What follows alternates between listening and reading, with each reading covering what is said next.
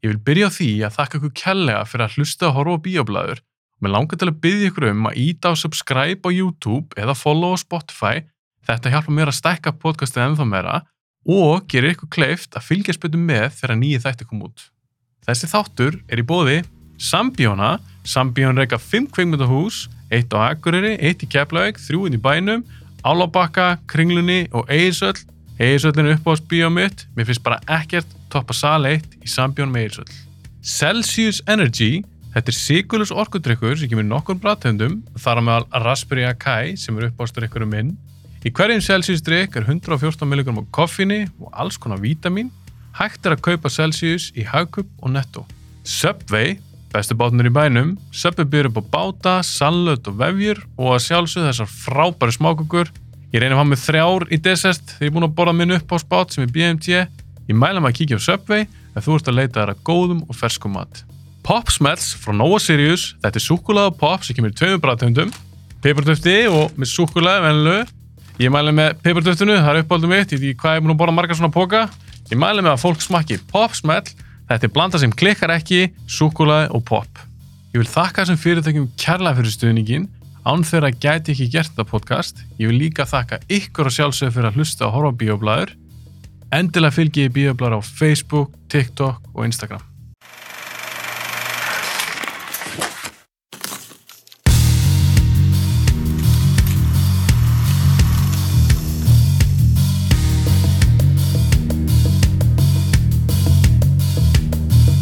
og það er svo skeggja við þetta podcast líka skilur að þú ert með þessa aðdáðundur af ofurhetju myndunum skilur Marvel fans skilur sem að ég skil ekki en þú veist Þú veist, við erum byrjað þetta, ég ok, þetta já.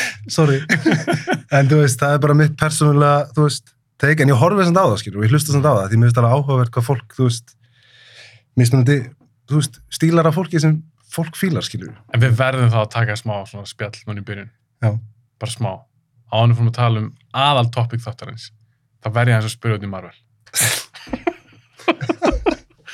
Ég hef aðeins verið að poti já, og ég sjálfur er ég er mikill Marvel maður. Ég hef lesið teiknumtöðsögur, hef búin að sjá allar þessar myndir. mm Er þetta orðið svona mögulega pínu þreytt? Eða varst þú aldrei að horfa á þetta?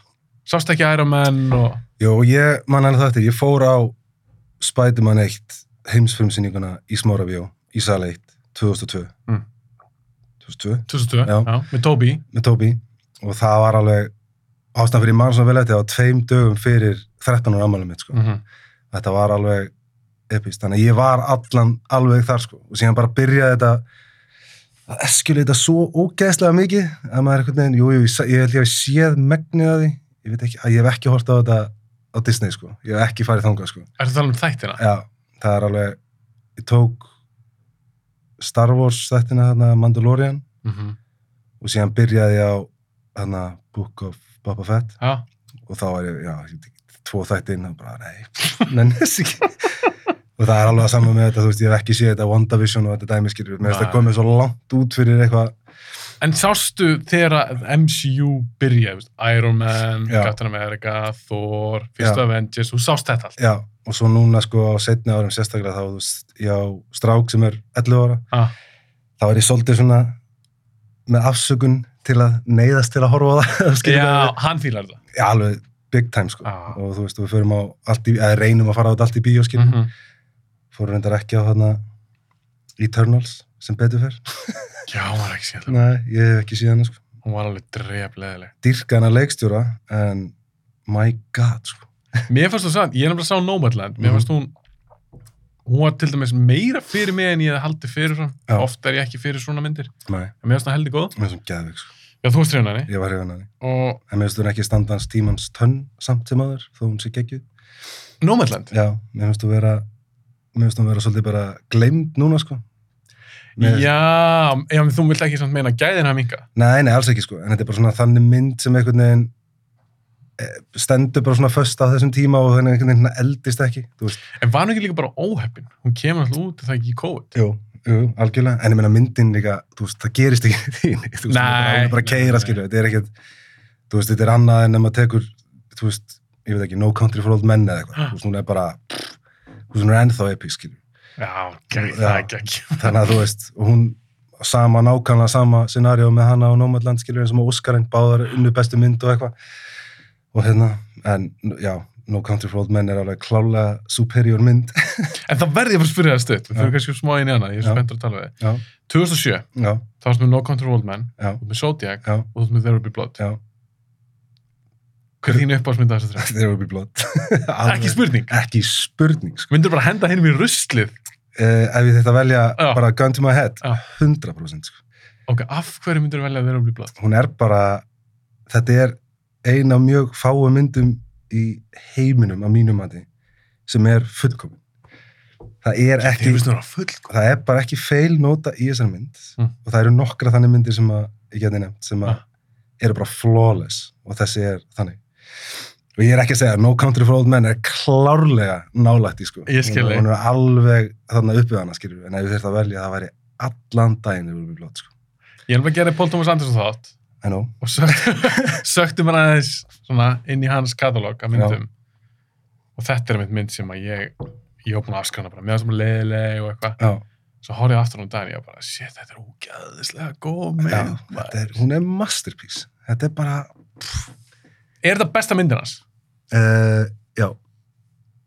100% þú, þú eiginlega hikar ekki. Nei, en eins og Magnolia, er hún ekki góð? jú, hún er alveg ekki sko. ég geti, já, já, ég, ég, ég meina ég var alveg debate þetta við sjálfum með mjög mikið þetta Mm. eru þarna nokkra myndir sem eru bara þú veist, ég veit ekki, topp fjórar af Paul Thomas Anderson myndir sem eru bara sturlaðar og það er einhvern veginn ekki það eru bara annarkvæð dagur flokka á milli sæta, skilur við Já, ég myndi spyrja kannski til mánu, þá getur þú sem myndi segja eitthvað annað. Já, ég meina Magnolia er, þú veist, ég veit ekki, ég hef hort á hana örugglega oftast af Ah. öllum Paul Thomas Anderson myndunum Ah. og hún er, hún er episk, hún er svo góð að ég, og þú veist, hún er það góð að, ég eyði sko, þegar ég horfa á hana, þá horfi ég líka á Making of. Ah. Hefur þú séð það? Nei, ég ekki sé það. Nei, það er, sko, Hvað er svona sérstönd við það? það er bara að horfa á hann vinna, er Ah. bara, þetta er bara, hann er, hann er guð í mínum augum, skilur þessi maður. Er hann númer eitt hjá þér? Af Eh, leiksturum? núlefandi leiksturum að já, alveg 100% En af öllum, bara all time? Áttu upp á alls?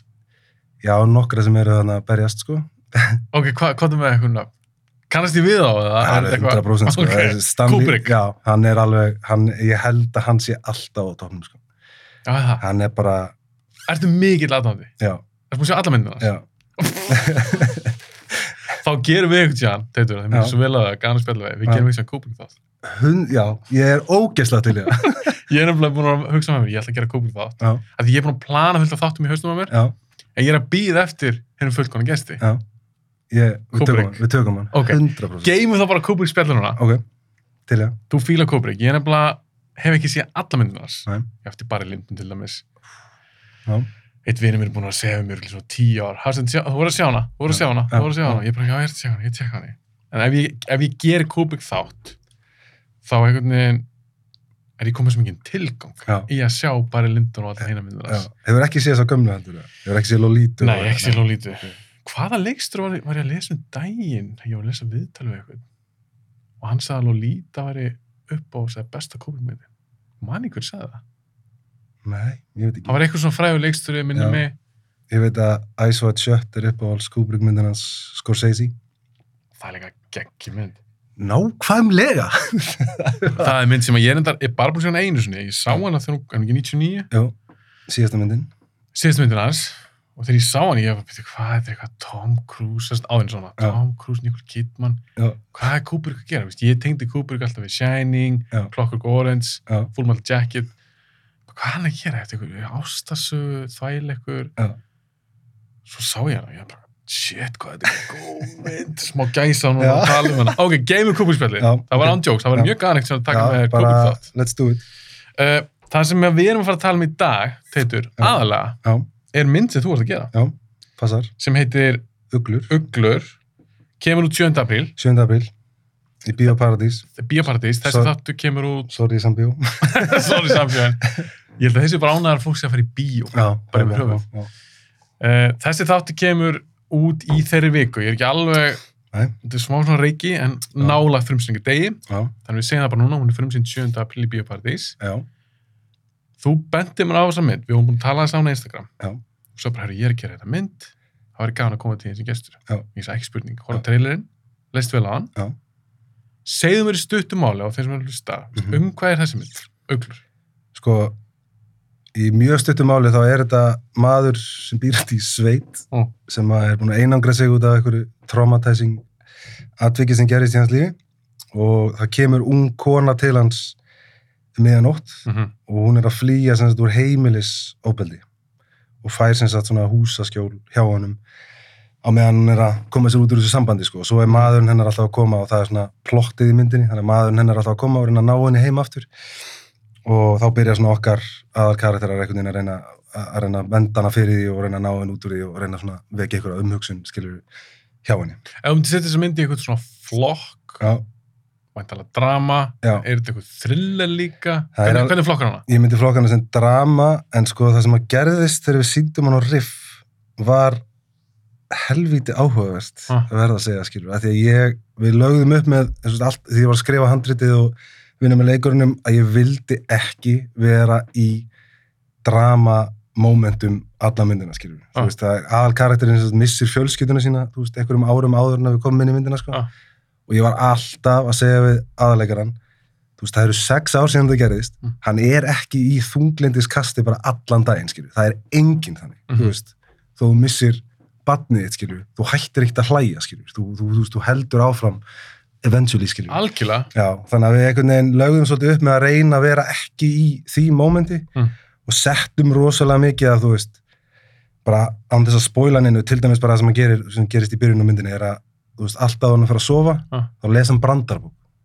Og þú veist, les brandara og hlæra þeim sjálfur skilur ég bara einn. Einn upp í rúmi. Ah. og það er svona hans þeng skilur þannig hann, já, þetta er, já, og það er einhvern veginn svona hann er að finna eitthvað gleði Já, í nákvæmlega. bókum Já, og svo kemur hún inn í lífið hans og hún er svona svolítið opposite við hans skilur Ah. og það sem gerðist í á riff sko var að það voru bara allir hlæðandi allan tíma það bara hlóu allir bara að interaktsjónu á milli karakterina þetta var svo súröðli sko. en varstu glað með það ég var ógeðslega tvístígandi með það skilur þú veist, er það að gera grína myndinu minni Já, já. eða ja, þetta voru samt sko, þeir hlóu bara svona að, aðstæðum og momentum skilur sem gerðist á milli þeirra sem var óslega áhugavert og það var eitthvað sem sagði um mig að þetta væri, þú veist, þetta er klálega bara testament í góða karaktera skilur þú veist, fólk fílar það fólk fílaði Já. karakterina já, nákvæmlega það skiptir mestu máli Já, nákvæmlega. Og ég fíla rosalega mikið eins og Tarantino tala mikið um, Mhm.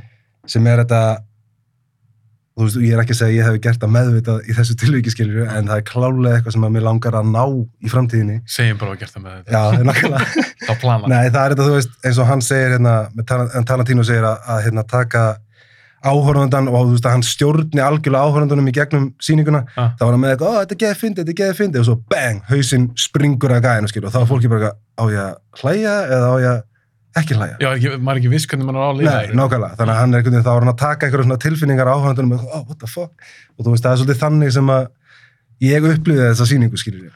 það er samt geðið Já, mér varst það mjög áhugavert sko, og þetta var, og þetta var mjög skrítið sko. en þetta var líka, það var eitt mjög vond, eða ekki vond, það var mjög fyndið, Ah. skulle bara segja það Ah. þess að gæinn sem leikur óbeldismannin í myndinni Ah. uh, fór alveg brútal langt í það að finna þennan karakter skilur við, þannig að umilegu karakter að leika já, sérstaklega í nútímanum skilur en mammans, sérst mamma leikar hans mamma leikarans. Já, hún hérna hún getur ekki hort á hann á þess að hlæja. Sérst í þessari mynd. Bara ever skilur hvort hann sé á sviði eða í stuttmynd eða hvaða mynd sem það er skilur hann getur, hún getur ekki hort á hann á þess að hlæja. Og ég satt fyrir aftan hana.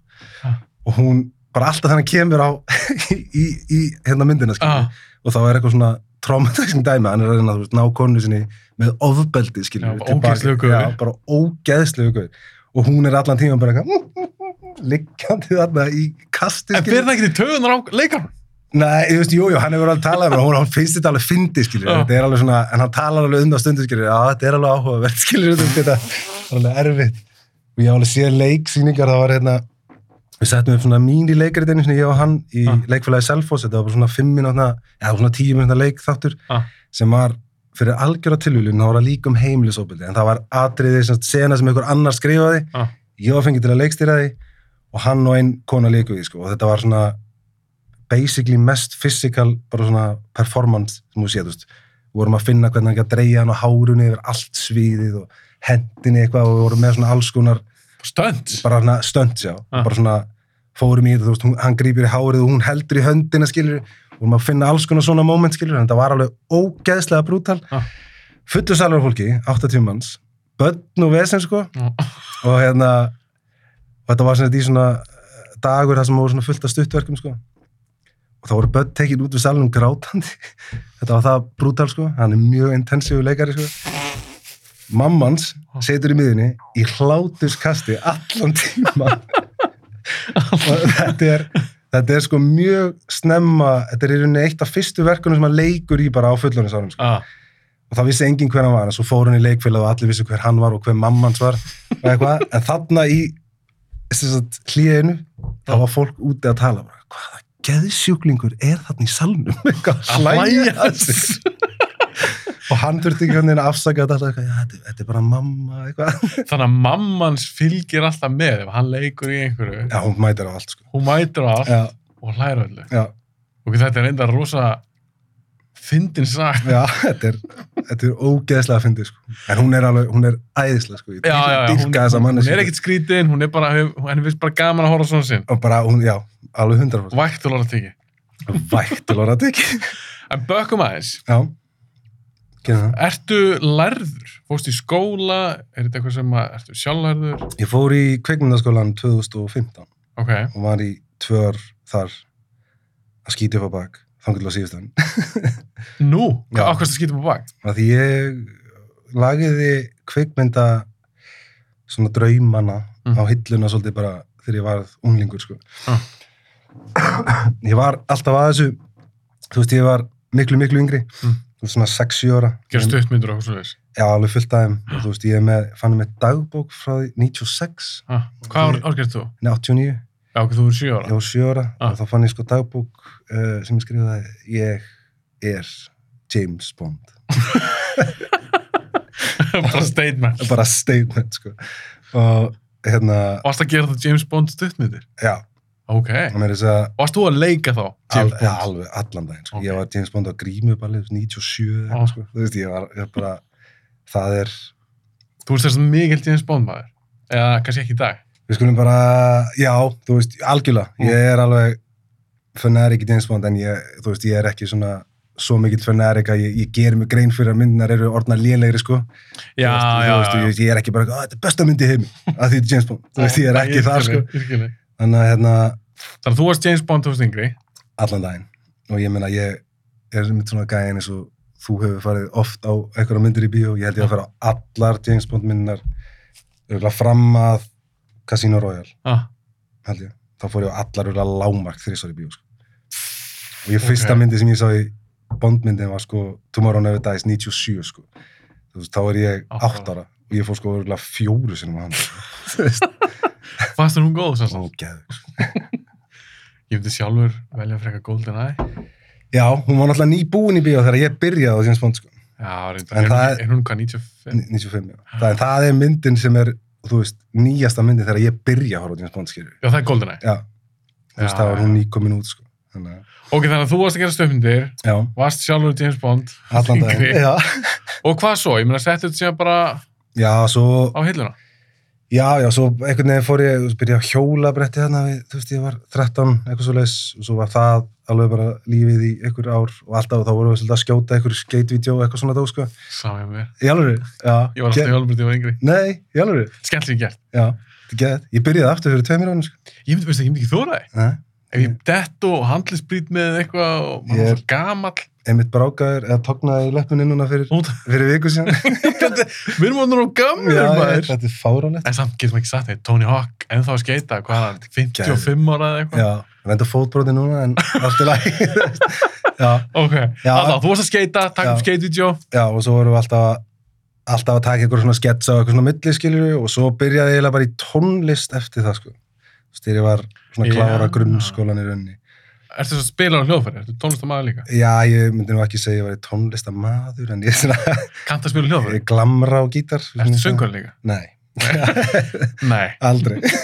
Ok, þú kanta eitthvað á gítar og svona. Já, og við spilaðum alveg og við, þú veist, og kom alveg tímabilið sem við vorum the shit, sko. Við fórum að spila mikið og vorum að spila allar helgar í bænum út um alla, þú veist, Dillon og Gaukurinn og eitthvað svona dót, sko. Ok. Og hérna og, fórum til bandaríkjana og eitthvað, fórum svona svolítið langt, sko. Uh, en það var svona tveggja ára kaos Mm. og svo búið. við fórum bara svolítið all in í allt, sko. Varstu, hva- hvað ertu gæt á þessum tíma? 2010, 11 sem við erum svona að píka í þessu tónlistarstúsi sko. Og þannig ertu það var í 20 barnlaus. uh, nei, hann er nýfættur strákur hann fæðist 2010 sko. Hvað er 2010? já, hann var ennþá svona pínu að finna mig hérna í lífinu Og svo eignastu fyrsta bandið? já, 2010 og Þá tók alvara lífsins við. já, en nú gerði hann nú ekki það, var- þetta var 2011 það sem við fórum í þetta tónlistarstús alveg á kaf sko. og það Já. var þar sem við fórum í mústilunum og lendum í þriðja sæti í mústilunum og unnum hérna besta söngara og besta trommara og spiliðum á Airwaves og fengum við síðan túr í bandaríkjunum og eitthvað að þetta var svona, en síðan 2012-13 þá var einhvern veginn bara já, þetta var svona svolítið bara eins og að ég veit ekki, ég lýsi svolítið bara við fíknefna neslu, þetta Ah. var svolítið við svona fórum bara svona all in og Ah. svo bara, ah, ok, þetta er alltaf mikið förum út og svo bara hættu við. Já, þú meina það. Þið bökkuðu bara alveg með þetta. já, bara, Hætti bara bandið alveg. alveg, já, við bara höndlum ekki meira, sko. þetta var allt og mikið. Við vorum líka, við vorum svona band sem voru svona, voru svona, ég veit ekki, ég ætla ekki að líka okkur við neitt band, en svona eins og mínus var, Já. Þeir voru bara, þeir voru svona kaotík, skiljur. Mhm. Þannig að þú þú veist, þú veist á mínus tónleika, það var bara madness, skiljur. Við vorum svolítið þannig svona feelingur yfir því, skiljur. Voru þess að spila rock. Já, við vorum að spila prog rock, sko. Og þú veist, Hvað heitir endum, bandið? Það heitir bandið? það heitir Wicked Strangers. Wicked Strangers. Já, og það er, just, við endum þetta tónleika og hoppa á trommusettið og kasta hljóðfærum út í sal og bleð, eitthvað svona. Já, þetta var svaka dæmi. Já, fórum alveg svona þannig langt í það, sko. Og síðan fórum við á túr í bandaríkjana þarna í þrjár vikur og kerjum Mm. út um allt og fórum í LA og þarna út um allt. Og þá einhvern veginn rann það upp fyrir okkur, þetta er kannski ekki, Framtíð. nei, þetta er svolítið mikið törn, sko. Já, ég trúi því maður. Það er svona rockstundu líf. Þetta er ekki djók. Nei, ég geta hambúrgara og drekka bjóra hverju kvöldi og eitthvað og, og spila bara já, spiliðum hann að þú veist ég held að lengst sem við spilaði var klukk einn og hálfu kannski, klukkutíma einn og hálfur þú veist, í Corpus Christi í Texas þú veist, í 40 stiga hita og allt bara eitthvað löðurandi í svita og viðbjöðu, sko. En á þessi tímabili, þegar þú varst að spila, Já, var kvikmynda áhugin, kvikmynda gerða draumar, eitthvað svona tó í þig, eða var það bara allt alveg á pásu? það var eiginlega bara allt alveg á pásu, sko. Það var einhvern veginn kvarlað ekki að mér að fara að búa til bíó, sko. En ég var alltaf með áhugan, skiljur, að horfa á bíó. Það er alltaf bara, og ég meina, þú veist, Já, það hætti ekki. Nei, aldrei, sko. Það hefur Ok. alltaf verið, og ég meina, ég hef alltaf hort, hort á Óskarinn, skilur. Mhm. Bara frá því ég var sjö ára gaman, þá hef ég hort á Óskarinn live bara síðan, sko. Ger, já, þú gerða þú svo sástu þegar Will Smith sló. Ég sá það, já. Ég ætlaði, ég ætlaði, að- ég ætlaði ekki að horfa, sko, en Já. við kveiktum á þessu upp í rúmi og ég og Hafdís, kona mín, og hérna, og síðan ætlaði, ætlaði bara svona dotta yfir í, skilur, Mm. og síðan gerðist þetta og þá vaknaði maður svolítið mikið. Þannig ég kláraði þetta. Það var svaka dæmi. Þetta var rosalegt, sko. Fucking skandal, sko. En, já. Já, og svo, hérna, já, hættu við þessu og, og þá er maður einhvern veginn bara, þá tekur svona lífið svolítið við, sko. Já. Fann maður að reyna að vinna og, Það stóð í ykkur svona rút, meiri rút. já, já, fór að vinna hérna í ríkin á Selfossi, ég bjóð á Selfossi þessum tíma. Já. Og var þar í einhver fjögur árið eitthvað, sko. Bara í því, og það var þar sem ég byrjaði að skrifa svona handrið, sko. Og þá, hérna, að því ég var að vinna alla virka það, Já. það er ekkert að gera á virkundum í ríkinu, nema kannski bara sennipartin, allir að koma að kaupa kvöldbjórin, sko. Mm -hmm. Og þá, hérna, vildi engin kvittun og það prentaðist alltaf út auka kvittun, sko. Bara viltu kvittun? Nei, hindi þessu. Já. Og þá skrifaði ég leikrit á kvittanum, Heill leikur. heill leikrit. Ég er ennþá með þetta, sko. Þetta er ennþá heima, sko. En er þetta ekki alveg Þetta hellingur er bara af? svona, svona bungi af miðum, skilu. Ég skrifaði bara heilt uh, farsa leikrit, sko. Nei. Jú, sem að ég ætlaði, hérna, ætlaði að leiki, sko. Það Já. var, upp, það var, það var ég ennþá með þá pælinga að ég langaði að leika, sko. Já, það tóðaði líka hvað. Það tóðaði bara í mig, sko. Það var ekkert að gera bíó, sko. Það var bara að leika, skilu. Það var, En þú varst alltaf James Bond. já, nákvæmlega Þið langaði alltaf að vera James Bond. Mhm. Já, þannig að þú varst að bæla í að gera þá leikrit. Já. Eða þess að leika í leikrit. Já, það var og ég-. Já, og ég þorði ekki, ég, hafði engan einhvern veginn sjálfsvilja eða í það að labba inn í leikhúsi á Selfoss og segja, Já. herruðu, mér langar að vera með. Þannig að mér dætt í hug sko að skrifa þetta og fá leikhúsi lánað og leika bara í sýningunni sko. Og hérna, svo var ég fenginn fyrir algjöra tilviljun til að spila músíkina í einhverju reysa leikriti í fyrir leikfélag Selfoss Já. á þeim tíma Já. á sama tíma og ég var að vinna þessu handreiti og ég nefndi ekki, ég kann ekki að spila veist, ég segi að ég kunna glamra, Já. þú veist, ég, ekki, ég get ekki tekið gítar í partí og spila einhver jamlög, skilur, þú veist, ég, ég, er, ég er ekki með neitt tóneira í það, skilur Þú ert rockari. já, þú veist, ég þarf bara, ég þarf að semja eitthvað þú veist, það er svona, þú veist, mín leið, skilur ég get ekki pikkað upp eitthvað stef eða eitthvað Já, ég skilji. Þú Þú veist. meira alltaf að gera það með frumsami. já, Mhm. þú veist, það er bara ég kann ekki hitt, Já. bara to be honest, skilur Það er líka held ég bara eitthvað sérstu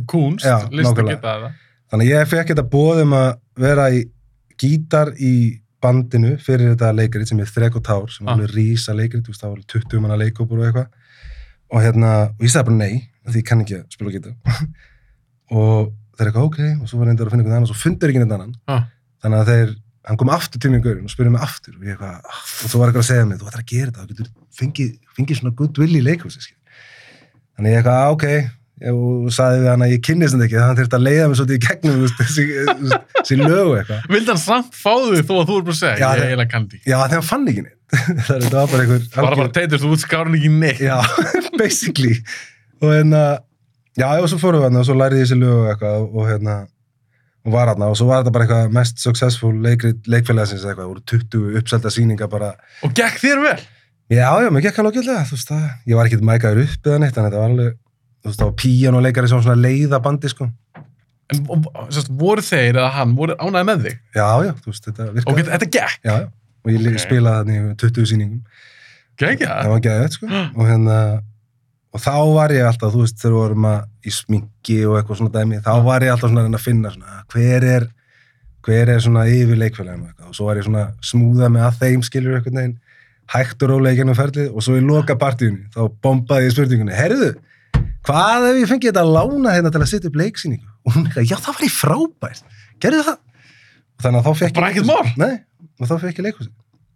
Og hvað gerir svo? Og þá uh, rekrútaði ég hérna einhvern félaga minn sem var í þessu leiksýningu, sem ég kynntist í leiksýningunni, Ah.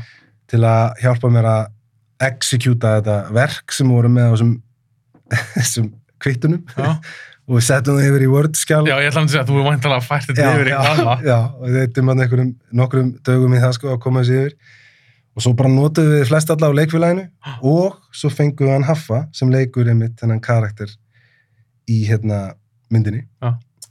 hann hérna var með sama dæmi og ég var alltaf með þessa leikdrauma þegar hann var krakki Ah, hann er einu ár eldri en ég og hann hérna hafði ekkert leikið í mörg ára þessu tímúti og ég ringdi í hana því með myndan hefði verið að tala um þetta þegar við vorum alltaf að hanga saman út í tíundabekku eitthvað Ah.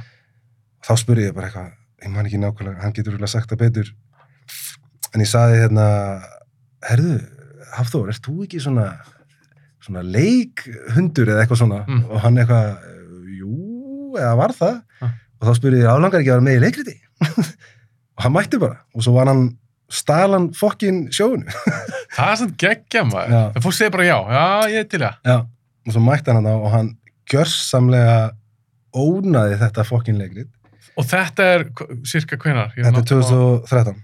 2013. Já, og þetta var alveg þetta var alveg hörmulegur tími, sko. Já. Þetta var alveg, þetta var umulegt transition period í mínu lífi, sko. Já, fyrir því persónlega. Já, þú veist, amma mín uh, hún var rétt rúmlega 60 uh, og var bráðkvöld þrem vikum fyrir frumsýning.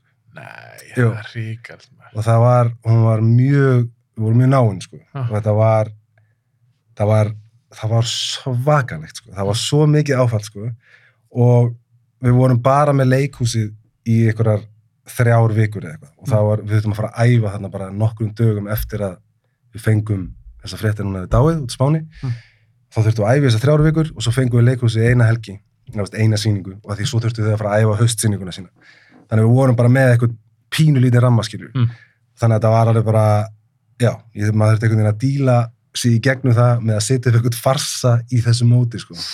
Það var alveg svona áhugavert, sko. Það hefur verið krefandi maður. Það var alveg, já, það var alveg pínu erfitt, sko. En ég held að það hafi verið betra heldur en ekki, sko. Svona eftir að hugsa, sko. Það hafi verið, Ég þurfa að hugsa tilbaka að... já. Og svo mætti afi, sko, sem að við vorum að vera gifti í alveg fleiri áratíði, sko. Og hann degir, sko, nokkrum mánuðum setna. En hann kemur heim frá spánun, alltaf alveg niðurbrotin og hann kemur á sýninguna og hann sagði við mig, þetta er alltaf eitt le elsta leikfélag Íslands, Ah. já, áhuga leikfélag Íslands og hérna, og hann segði við mig eftir sýninguna, ég held að það hefði sjaldan verið hleyja mikið inn í þessu húsi og þessari sýningu í kvöld. Það er gaman að heyra og þá var ég bara eitthvað, Það er mikið hrós. já, það var geðvett, sko. Við viljum gefa þér mikið. Já, geðvett, sko. Og hérna, en ég alveg absolutt tek ekki krediti fyrir það, þú veist, Haffi, hann, sko, já, þú veist, hann reif þessa sýningu upp á hana plan, sko. Og hann er alveg, já, geðvett, sko. Og þeir eru væntalega mjög góða vinir í dag, finnst hann líka að leika í... Já, já, ég menn hann er guðfæðir dóttur minna, sko. Hann Já, ok, þeir eru það tengdir. Já, við erum alveg mjög, mjög nánir, sko. Og hérna, já, En hvernig fer, ferðið þú út úr því að, úst, gera leikrit, mm þetta er 2013, já, og hvað svo? Ég meina, ákveður síðan mögulega að gera bíjamenn, gerur fleiri leikrit? Nei, svo var ég eitthvað, vorum við eitthvað svona tvístegandi með að hvað, hvort við ætlum að gera annað leikrit og eitthvað. Já, bæða og við gerðum þetta þannig að við seldum inn á leikritið Ah. og hérna, settum þúsund allar vermiðan, það voru 80 sæti í salnum og við seldum sko 89 sæti, Ah. Þannig að að bæta stólum við, sko. Já, ég held að einhverju hefði staðið. Já, þetta var bara svona one sýning, sko, Já. það var ekkert meira það. Og hérna, við rukkuðum inn Mm. þúsungall og fengum 80, já, 89 skall fyrir það og við vildum ekki græða á þessu þannig að við fórum með 89 skall í ríkið og við keftum áfengi fyrir eitthvað 60 skall Já. og svo byggðum við bara öllum leikhóknum á fyllir og svo fórum við út á barinn og eittum restina af peninguna bara í tequila sko bara. þetta var bara til að sína það að þetta var ekki til að græða peninga sko. þetta var bara til að, þú veist Hafa gaman, ástriða, já, það var alveg, já það var geðvegt sko, bara svaka partí. geðvegt sko. Ok, og hvað gerir síðan? Já, síðan einhvern veginn vorum við að í því að gera annað svona leikrið með sama hóp sko Já, og vorum búin að skrifa ykkur hugmyndir og vorum komin með alveg svona frekar svona konkrét hugmyndi að næsta verki sko sem við ættum að gera því þetta var alveg, spurðist alveg út sko og fólk var alveg að tala hvort við viljum ekki setja upp annað sko og eitthvað. og fólk er alveg skemmti sér vel. Já, en þú veist, leikhúsið var bara með sínar skildur og þau þurfti að æfa fyrir sína haustsýningu skildur, Mhm. þannig að það var ekki hægt. Og síðan er ég bara að vinna í ykkur tvö ára og svo flytti ég í bæinn í kjölfarið og svo fer ég að vinna inn í ríkinu upp á höða Já, á lagarnum. Svo fæ ég mér iPhone eftir margra ára þrjósku skref að fá sér ekki iPhone varstu þess að ekki búin að vera með neitt snjallsíma? nei, ég var bara með svona Dagsíma, já, svo einhvern gammal kall. já Ok, fegst þér loksins iPhone? já, fæ mér iPhone og hérna og það var eitthvað svona app í honum sem var hérna gæst búið til eitthvað svona movies og eitthvað svona trailer og eitthvað Já. og ég gerði það og þetta var bara ég held að ég var búin að vinna kannski mánu eða tvo Já. á lagarnum í ríkinu sko og var alltaf að gera eitthvað svona eitthvað fokk í starfsfólkinu þar eitthvað búið til eitthvað horror trailer og eitthvað En varstu að taka vídeo af þeim eða og setja þau já. í trailer eða eitthvað svoleiðis? já og svo voru við alltaf ég og einn annar félagi minn sem var að vinna með mér gera það líka sko og svo fórum við mat einn daginn og þá segir Óli sjátt át á hann, ekki þinn Óla heldur annan Óla Ekki Óla Bjarka. Nei, það er Óli Torfa Óli Torfa, sjáttu þetta hann. Já, og hérna þá segir hann um mig bara, það situr á móti mér og ég er eitthvað að klippa eitthvað trailer hérna í símanum Ah. og það segir, Teitur, þú ættir að sækja mig í kveikmyndaskólan og ég segi, já, einmitt, ég ætti að gera það eitthvað, svona bara algjörlega Ah, you're right Varstu skilur. gali bara. Besta galin pæling sko. Ah. og hérna hann eitthvað var í símanu sinu og fletti upp sendi mér hann eitthvað svona link eitthvað sjáðu þeir eru að opið fyrir umsónir Mm. og ég eitthvað, já, gerðu það, núna og ég eitthvað, ég mannaði og ég eitthvað, já, ok og svo gerði ég bara umsón í símanum, að ég gatt það Bara fyrir framann Óla. bara fyrir framan Óla Ah, og ég var, mér finnst leðilegt að segja hvað ég var um, tók þessu ekki alvarlega sko ah. Að svo setti ég bara eitthvað ástæði fyrir að sækja mig í kvikmyndaskólan Ah. og ég setti bara að því að Óli sagði mér að gera það Skrifa það í umsóknina? skrifaði um svona og svo eitthvað hérna, já, ég man ekki alveg hverjum svona var og eitthvað svona, skrifa bara, þetta var allt eitthvað svona. En þú sendir hann inn? Já, senda hann inn Ah. og svo bara, ekki mál, svo fór ég bara að vinna og svo fór ég heim, svo kom ég aftur í vinna daginn eftir og þá fekk ég símtal, bara eitthvað random símtal og ég svaraði því, það var í morgun kaffinu í vinnunni. Mm. og sat á móti Óla. Og ég eitthvað, já, halló, já, ég er hengið það frá kveikmyndaskólanum, hérna, við viljum bjóða þér í viðtal. Og ég eitthvað, ha, án gríns eða, já, bara getur þú komið e, núna, bara on the spot, sko. Nei. og ég eitthvað, uh, já, ég það bara að komast kannski að fá fríðina þess úr vinnu. Og já, ekki mál. Svo fór ég bara að tala yfir mannin og fekk hann að skjótast. Fór í þetta viðtal og þá er ég bara settur í herbyggi með hann einhverjum kennurum og eitthvað. Og þau spyrja mig eitthvað já, þú hefur áhuga bíómyndum og verið að gera bíómyndir veist, lítill eða ekki? Og ég eitthvað, já, eitthvað svona það og svo eitthvað, já, ok, og spyrja mig alls konar dæmi. Og svo ég, sendur ég eitthvað herbyrgi og að búa til sem það er inntökuferdi sko. Ah. og þá fæ ég, mann ekki voru 16 ljósmyndir og ég var að búa til sögu úr ljósmyndunum skilju, púslegaðum saman á eitthvað svona bretti sko.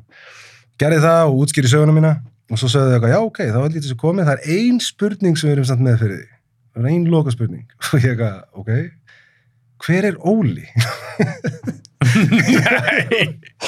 Og Það, var í umsókninni. Já, það var umsókninni og ég var alveg eins og hálfut ég vissi ekkert ég var að er gaur í vinnunni sem veit Það var meira svona djók. Já, eitthvað, ok, ok ok, ok, og svo segja þeim bara hérna sko, skólinn byrjaði fyrir viku Ah. byrjuði í, Já, hann á byrjar. byrjaði, þeir mantaði bara með leiri nefnendur Ah.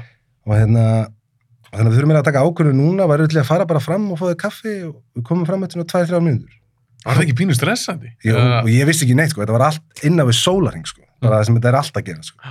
þannig ég eitthvað, ok, og fer fram og svo seti ég bara þessu ykkur hálfviti frammi Ah.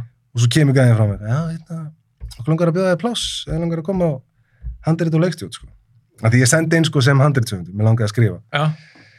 og ég eitthvað, what, uh, ok uh, og þú þarf bara að fara í lín og fá þetta lán dæmi og koma þér úr vinnu þá ef þú vilt taka þessu dæmi og ég bara, ok Og Þetta, gerist hræð maður. Já, þarna er ég náttúrulega með fimm ára badd, sko, og, og konu og allt, sko. Þannig að þetta var alveg pínu líp, sko. En varstu búin að tala, varstu búin að tala eitthvað konunni? Nei, ekki neitt, bara ekki neitt. Bara, þetta var bara djók, sko.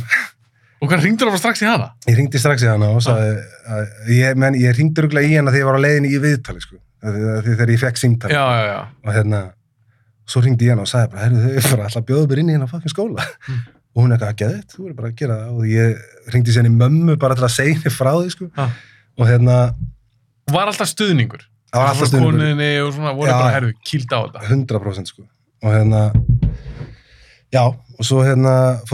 á þetta. 100% og já, og svo fór ég í vinnuna og og þetta var svo ironic dæmi sko, ég var nýbúin að skrifa undir starfsamning sko á ríkinu sko og ég var ekki búin að vera samningjaðum neitt á undan sko, ég var alltaf eitthvað svona auka dæmi sko Ah. þannig að það stemdi í það í fyrsta skipti í mínu líf að ég var að fara að fá launa sumafrí og þetta er í janúar sko og þá kemur bara Þú var spenntu fyrir því? Já, ég var alveg svona, yes, loksins var ég bara að launa sumafrí og eitthvað, geðvikt. En svo, nei, svo hérna fór ég til yfirmannsins og, og spurði hvort ég geti fengið að fara, bara með engum fyrirvara og hann hleypti mér í burti. Og þá hérna, Og byrjaði bara í skóla bara hvað daginn eftir það? morgunin eftir, hann mætti ég bara upp í kvimnskóla. Þetta er bara galið, sko, og þetta er, Þetta er rosa saga maður. já, og þetta er fáránlegt. Og svo hérna, og svo er ég þar að því ég er að, í þessu skrifdæmi, Ah. og mér langar að skrifa, og svo er ég bara þar að reyna að finna mig í þessi tvö ár sko, og svo það sem gerist á miðri skóla göngu sko er að við eignumst annað bann sko í miðjum kvikmyndaskóla með enga vinnu eða neitt. Það er pakki maður. það var rosalegt sko, en það var svona pínu ákvörðinu okkur að ef við ætliðum að gera það, myndum við vilja klára það. Því strákunum okkar var hann sex ára á þeim tímapunkti sko. Mhm. og hérna já, þannig að við í rauninni, og ég, já, svo er ekki fyrir náttúrulega að loka önninni það sem ég finn svolítið transitionið gera sko, eða svona næst síðustu önninni það sem ég finn svona, er kannski að skoða þessa leikstjórn eitthvað frekar sko? Og hérna já, og ein svona smá saga þarna líka, að því að Mhm.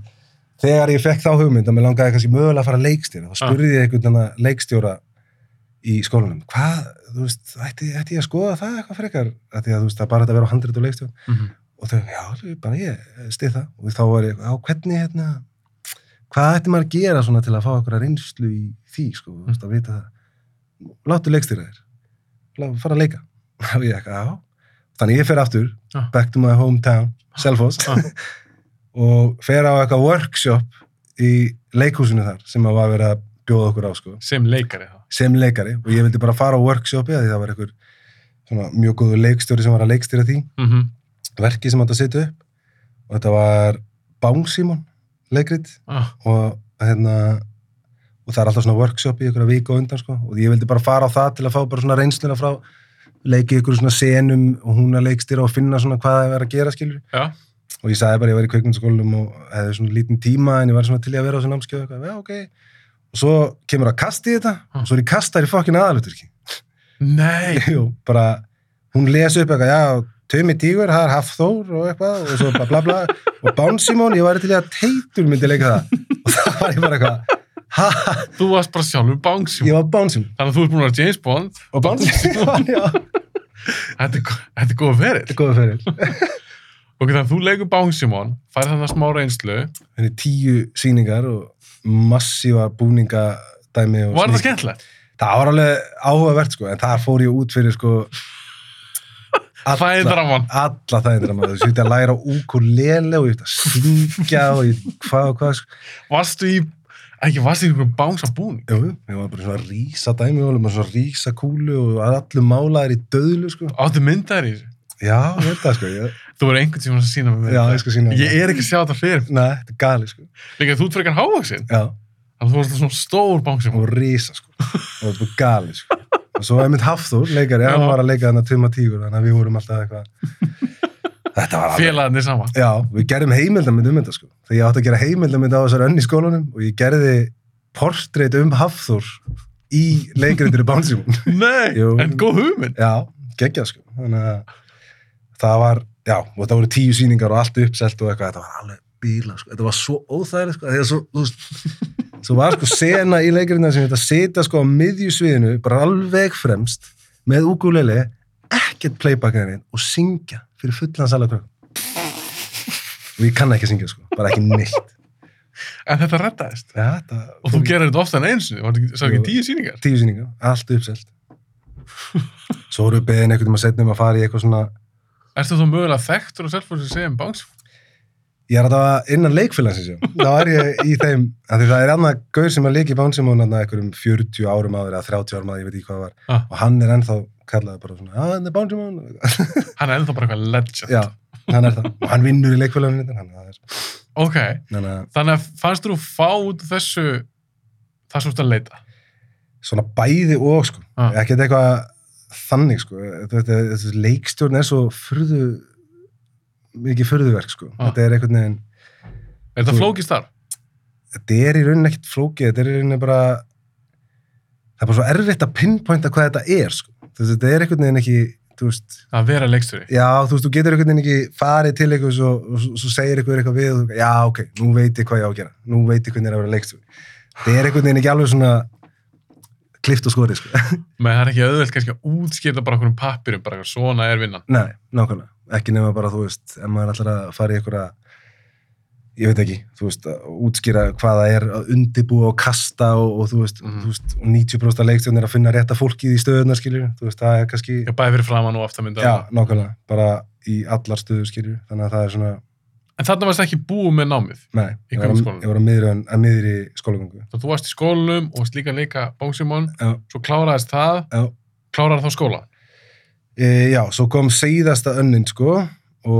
ég var ennþá, sko, og annar myndin mín, Ah, bara var notoriously slæm sko. hún hún er rosalega vond sko. þér finnst það sjálfum? já þú veist og öllum í skólanum fannst það líka það var að veist og ég ætla ekki að skafa hana því sko. hún Nei. var umurleg og mér langar lúmst mikið að sína það Ah. þú veist back to back við mynd í fötulegin skilur bara til að sína fyrir fólk skilur there is hope for anyone þetta Ég gætt fara úr þessu í þetta, Já. þá getur þú gert það líka. hvað sem er, sko. þetta er ótrúlega sko. þannig að ég hérna já, þannig að ég vissi ekki, þú veist, eftir þriðju önina sem að held að Bansimón dæmi gerist allt á þeirra ön, sko þá var ég bara, pff, hvað er ég að gera sko? ég veit ekkert hvað ég er að gera og ég bara er eitthvað að rassa mig í gegnum hennar skóla hérna og veit ekki neitt hvað ég er að gera og veit ekki hvað ég vill eða neitt, skilur og að taka það fram, sko, að ég var búin að vera bara gjörsamlega út úr einhverjum kvikmynda draumum fram á þeim tímapunkti skilur þannig að ég er svolítið að byrja upp á nýtt í rauninni Já, og hérna, svo kemur síðastafinin og þá smellur eitthvað vægasagt í kodunum með mér sko. hvað heldur að við gerst? ég hitti Rúna Rúnason og Átna Óla Ah. sem að eh, gerði þarna Volka sem kom út núna um daginn sem að lest núna í fyrra Ah. maður stættunum, Átni Óli, hann gerði þarna Uh, Lói, þú flýgur eitt teiknumyndina Já, betur, var þetta ekki ungu maður sem að... já, eða það var 50 Já, það er nú frekar ungu Já. maður. og hérna, ég hitti þá tvo Ah. Og þeir eiginlega sikkurum, í sikkurum áfangunum sko, tóku svona ómeðvitað svona eftir á hugsaskilju þá svona fatta ég, ok, þetta er það sem að gerðist, sko. Þeir höfðu það mikil áhrif á þig. Já, alveg rosaleg, sko. Ah. Og þú veist, það byrjaði á því að ég var að gera útskriftamyndina mína sem að ég var að vinna í alla önnina sem var sem sagt að mér langaði að gera díalógslausa stuttmynd Mm. með í einhverjum órættum heimi, sko. Og það var pælingin og ég var með tökumann og við vorum svolítið að vinna saman Mm.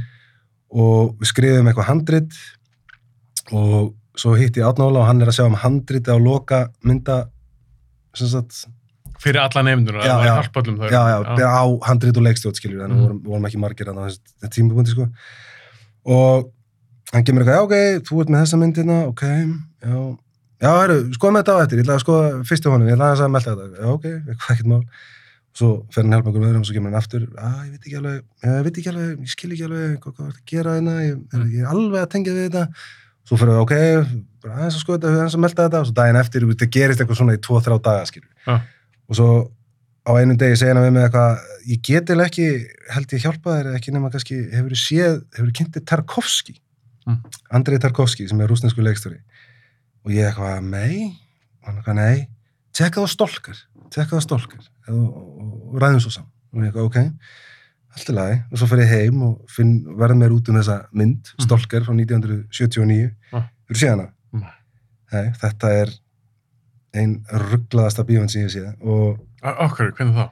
hún er bara hún er insane af því að þú veist veginn, þú veist ekkert hvað þetta horfa á, Er það bara bull? en hún er svo fucking captivating að ég get ekki listi, sko. bara rammarnir í þessari mynd og bara uppsetningin og, og þú veist og bara þú veist, flæðið í myndinni er bara á pl öðruð plani, sko. þetta er bara, þetta er þú veist þetta er svona Kubrick sinnum þúsund, sko. þetta er einhvern veginn Ok. bara svona rammar og, og hvað hann er að myndmál og eitthvað svona dæmi og þetta eru svona rúsneski gæjar og þetta er, þú veist, essentially rúsnesku gæji sem er að fara með eitthvað tvoðara gæji inn í eitthvað kjarnorku yfirgefna verksmiðju Ah. í eitthvað svona túr og maður veit samt ekkert, þú veist, ég get ekki sagt þér ennþá um hvað þessi mynd er, sko. En er það bull? Hún er svolítið bull, sko. En hún er, þetta er svona 100% En áhugaverð? Já, þetta er bara svona dæmi um það að þú horfur á ramma í þessari mynd og þú finnur eitthvað, en þú getur ekki útskilt hvað er. Þetta er bara þannig mynd, sko. Þetta er basically bara list sem virkar Já, á mann. þetta er bara eins og að horfa á málverk. Þetta er bara, þú veist, ég kann ekki að horfa á málverk, en þú veist, þess að ég ímynda með það, skilju. Maður er einhvern veginn að bara, hvað er ég að horfa á?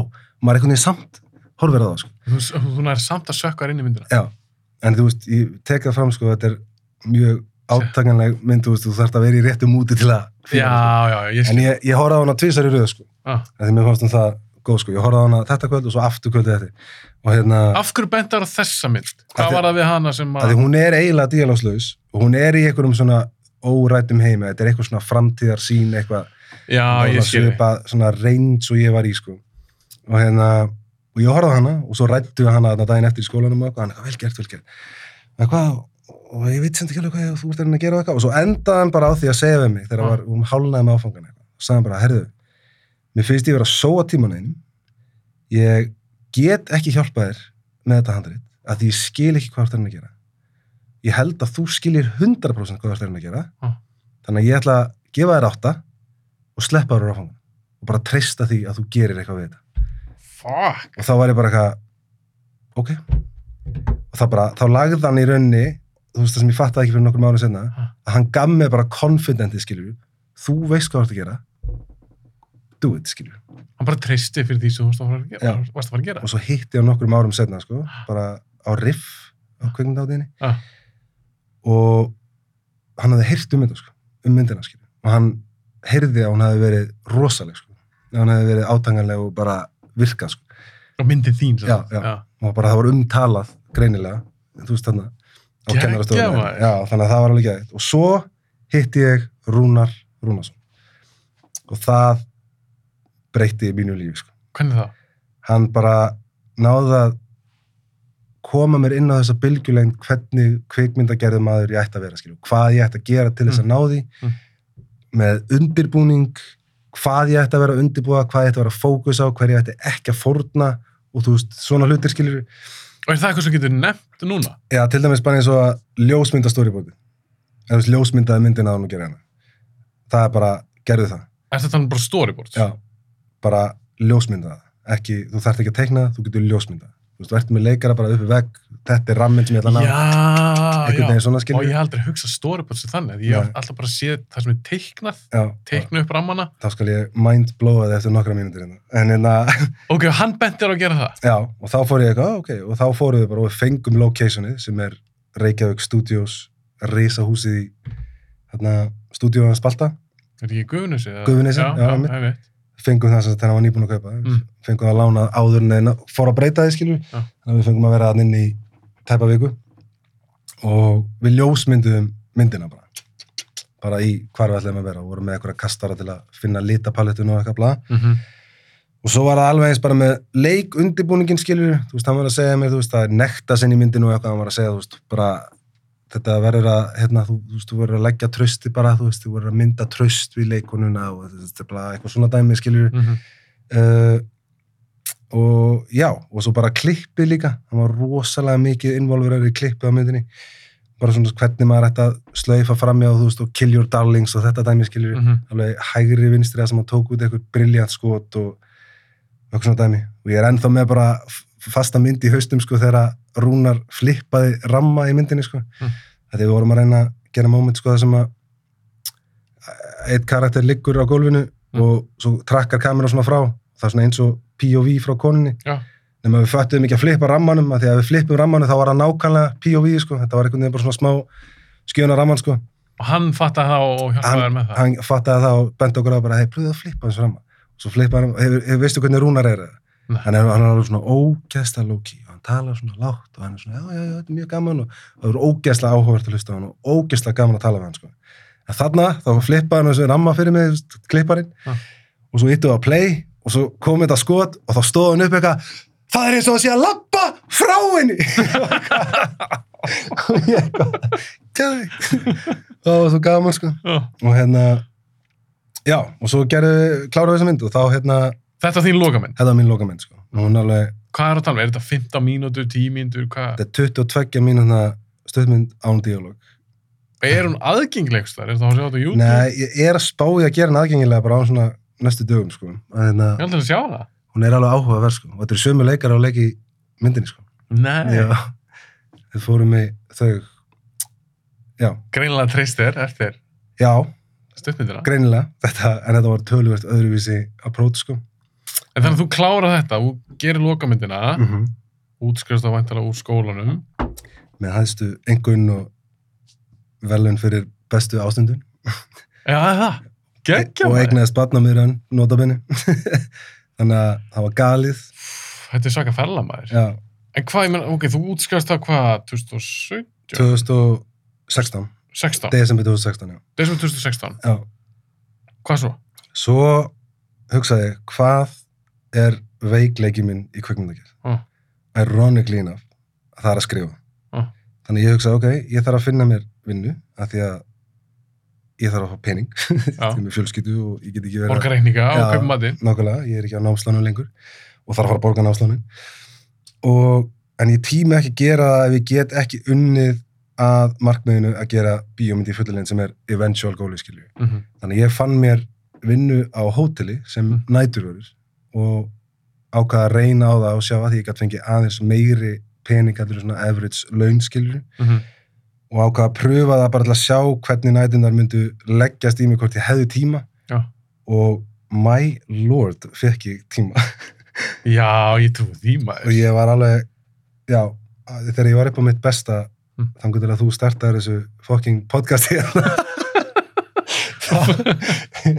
Varstu þess að skrifa þá getur að bíóblæði byrjaði þá fórstu bara að horfa á bíóblæði. Já, ég sko, þú eiginlega er alveg nokkur session hjá mér, sko. Það var alveg, mjög áhugavert sko, því að, að því ég var alltaf með, svona, ég var alltaf með sömu rútinu, bara á Já. miðnætti þá borðaði ég kaffitíma minn, Mm. klukkan þrjú þá borðaði ég kvöldmætti minn og síðan klukkan sex borðaði ég svona léttan morgumat svo fyrir heim og veist, þetta var svona alltaf og ég skrifa alltaf, bara frá 11 þegar ég slekk ljósin til 6 um morgunin þegar hérna, morgun verða staffi mætir þá ætla ég að skrifa Varst það bara á fullu bara að á skrifa? full, þetta var bara á góðum degi var ég bara í sjö klukkutíma straight að skrifa skilur. það var bara þannig kvöld eftir kvöld eftir kvöld og ég skrifaði, ég held ég að við skrifa allt í allt eitthvað 600 sko. Í Mörg, fullu lengt? í fullir lengt það var bara, markmiðið var að gera það bara að æfa Bara að æfa? Algjörlega. og hérna já og svo kom þetta podcastinu þitt inn þá er þetta, þú veist, þá byrjaði þetta að vera eitthvað já ok, kaffi tími klúan á minnati og hérna, kveiki ég á einu hérna með því borða. Og þá er mitt eins og við töluðum um hérna í byrjun skilur Já. bara þryggja tíma þáttur og eitthvað, já ég horf á byrjun á þessu.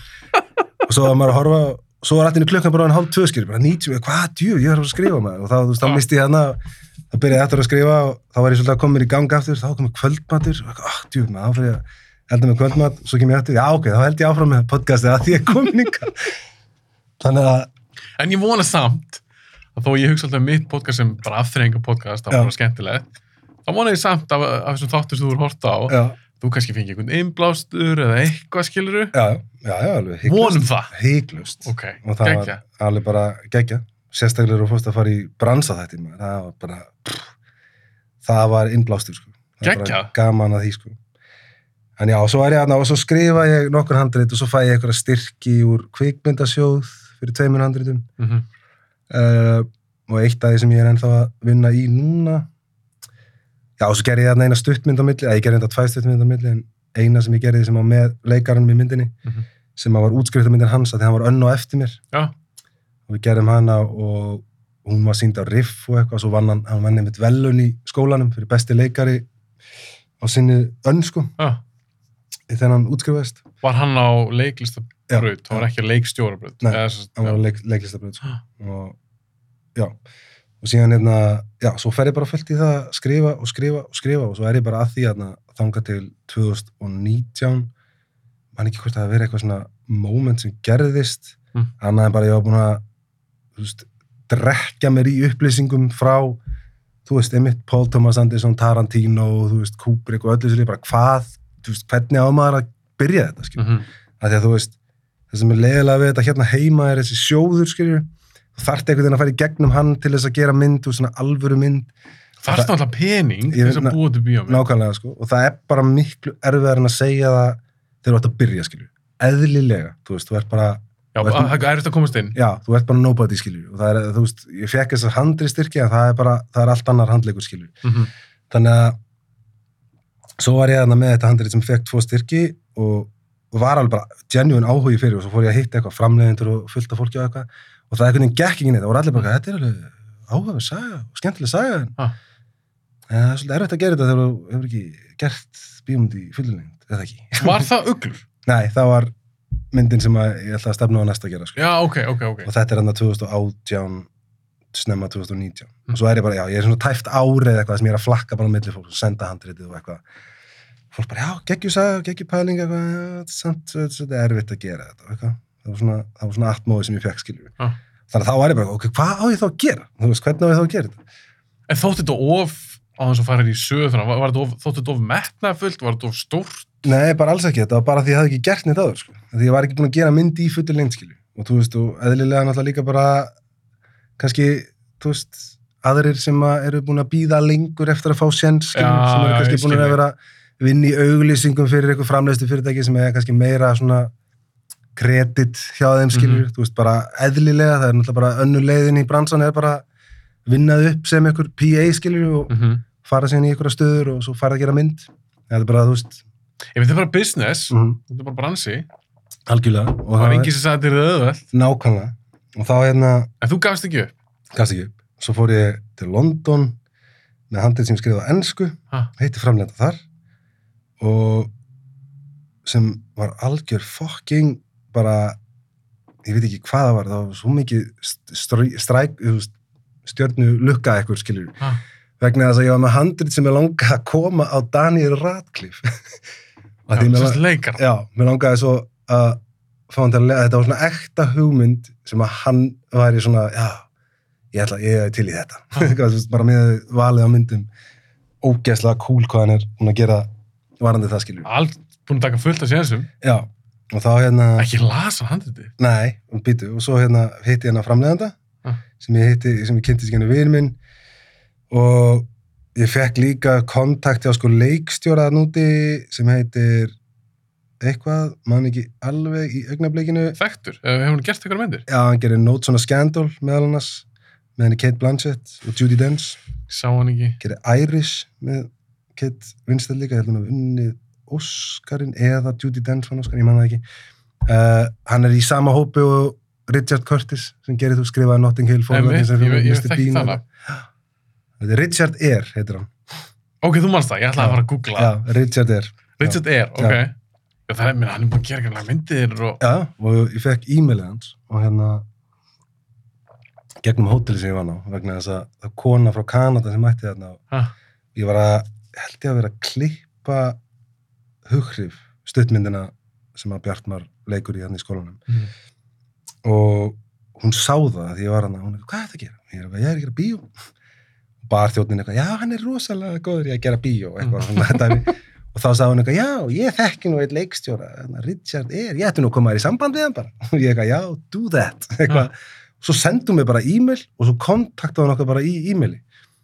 Fuck, bara, það er rosalega. já, fór ég eitthvað smá svona e-mail chat við hann eitthvað og sagði ég að koma til London og eitthvað og svo gata hann ekki hitt mig eventually, en ég heyrði í honum og einhverjum öðrum framlegenda líka sem hann þekkti. Og svo fór ég að fund með þessu framlegenda að það og hún sagði við mig þetta er alveg áhugaverð pæling hjá þér Ah. geggjuð pæling að koma bara einhvað og gera mynd en það er miklu sterkar að gera mynd í heimalandinu fyrst sem svo sem viss alveg Ég hef heyrt þetta mitt áður. já, en Það er mælt oft með því. já, þannig að þetta er alveg, þú veist, og eðlilega, maður veit alveg, skilur, en það var bara, þú veist, maður var að kasta staðar. prófa. Já, já. Og svo sagði, sagði hann eitthvað, já, ertu með eitthvað í huga hvað ég langar að gera við þetta? Eitthvað. Ég eitthvað, já, mér langar að koma svo Daniel Radcliffe, mér langar að gera þessa mynd með honum. Og hún eitthvað, já, ég er nú að framleiða mynd, ég er að fara þangað aftur núna eftir daga sem hann er að leika aðraturki í. Það Nei. er einhver hérna fangelsismynd sem hann leiki hérna, Escape from Petrotonia eða eitthvað, sem hann er einhver gæði sem sleppur úr fangels í Suður Afríku. Einhver sannsölu mynd sem hann var að gera núna. Já, 2000 og- hún gerði þarna 2017, 16, 17 eða eitthvað Ok. og já, Og, þannig að og, hún, og, og hvað? Ég meina, ég er að gera mynd með honum, hvað? Ég skal láta að fá handriti? nei, hún gerði það ekki hún ráðlaði mér að reyna að gera mynd sem var einfaldari og gæti fitta meira kannski í eina sagt, eitt location og þá tók hún dæmi, þú veist, Reservoir Dogs skilur Í, taktu, já, Eða já, veist, já. eh, Escape from Pretoria. já, hvernig kom hún út? Uh, uh, uh, slökk að sjá hún. Hún er 2000, jú, 2020.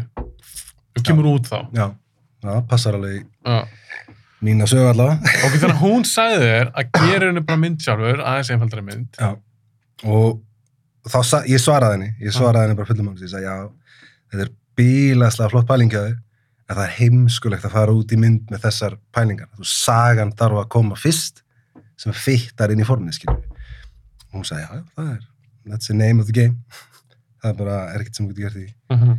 Þannig að þá var ég bara, "Ah, ok, og svo flög ég heim áttur og svo líður hann eitthvað smá tími og svo 2019 þá kemur, kemur segveið inn í þetta. ah, Þá kemur þetta dæmi að ég er að vinna á þessu hóteli og svo er ég vittni af bara brútal heimilisofbeldi upp á einu veist, ég er ekki vittnað, ég kem á vakt og það er bara kona í hotninu í matalunum grenjandi og, og starfsmæður sem er að huggana Mm. og hinn starfsmæðurinn er hérna og ég bara, hvað, hvað er að gerast? Og þá hann bara, "Hvað, það er bara að vera að lemja hana í spaði upp í herbyggi og það er bara kvartað allir að hæðinu, bara, bara er, er að læti að vera að brjóta eitthvað. Og ég bara, eitthvað, what? Og þá var ég bara, fyrst að hann er bara eitthvað, gerist þetta bara í romantískri ferð til Íslands? Bara eitthvað brest par eitthvað bara gaurin lúberna bara, skilju. Af því að ég hef aldrei verið með neina svona upplifað þetta svona nálægt mér áður, skilju. Og hérna, allir lagi og svo kemur þessi kona sem er að hugga hana og hún segir bara, herru, ég ætla bara að taka herbyggju sölu, ég ætla að gefa henni herbyggin og jarðhæðinni. Þau eru þarna á þriðja, fjóraða hæði eða eitthvað.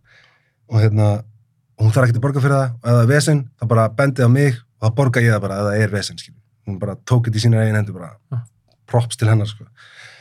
og saði við mig bara og þú bara obviously segir ekki þessu manni hvað hún er ef hann spyrir þig og þú bara að er ekki mál. Og svo fer hann bara og leiðir hann inn í þetta herbyggi og hún fær bara nýtt herbyggi og hún ætla bara að hjálpa henni að bóka flug daginn eftir og koma henni bara út á flugveit sjálf og koma henni heim. Og konan bara, "Ah, takk, takk, takk og eitthvað geðveikt. Svo sest ég að það niður. Og ég hef ekki farið bara að horfa þátt frá þér eða eitthvað. Og hérna svo líða þarna tveir tímar eða eitthvað klukkan er hálf nýju, eða svona nýju, hálf tíu kannski.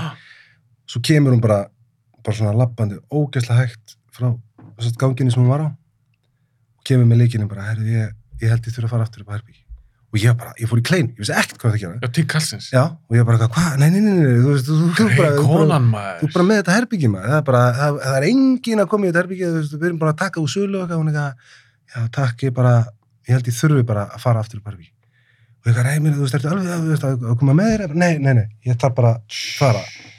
Og ég gæti ekkert gert, ég gæti náttúrulega ekkert eitthvað bara neitt Nei. hana til að vera þarna, skilur við, þannig að ég var bara, var eins og kleinað hana og hún leggur líkinu bara, bara, takk, takk, takk, aðeinslega, og svo fer hún bara í liftuna og svo fylgist ég með henni í myndalunum stendur hún bara fyrir herbyggi bara í svona góðar, ég veit ekki, tvær mínútur bara, og svo fer hún inn. Svo búið. Svo gerist þetta verið vitna, heyrið að öðru svona sem gerist, Ekki sam fólk. nei, annað fólk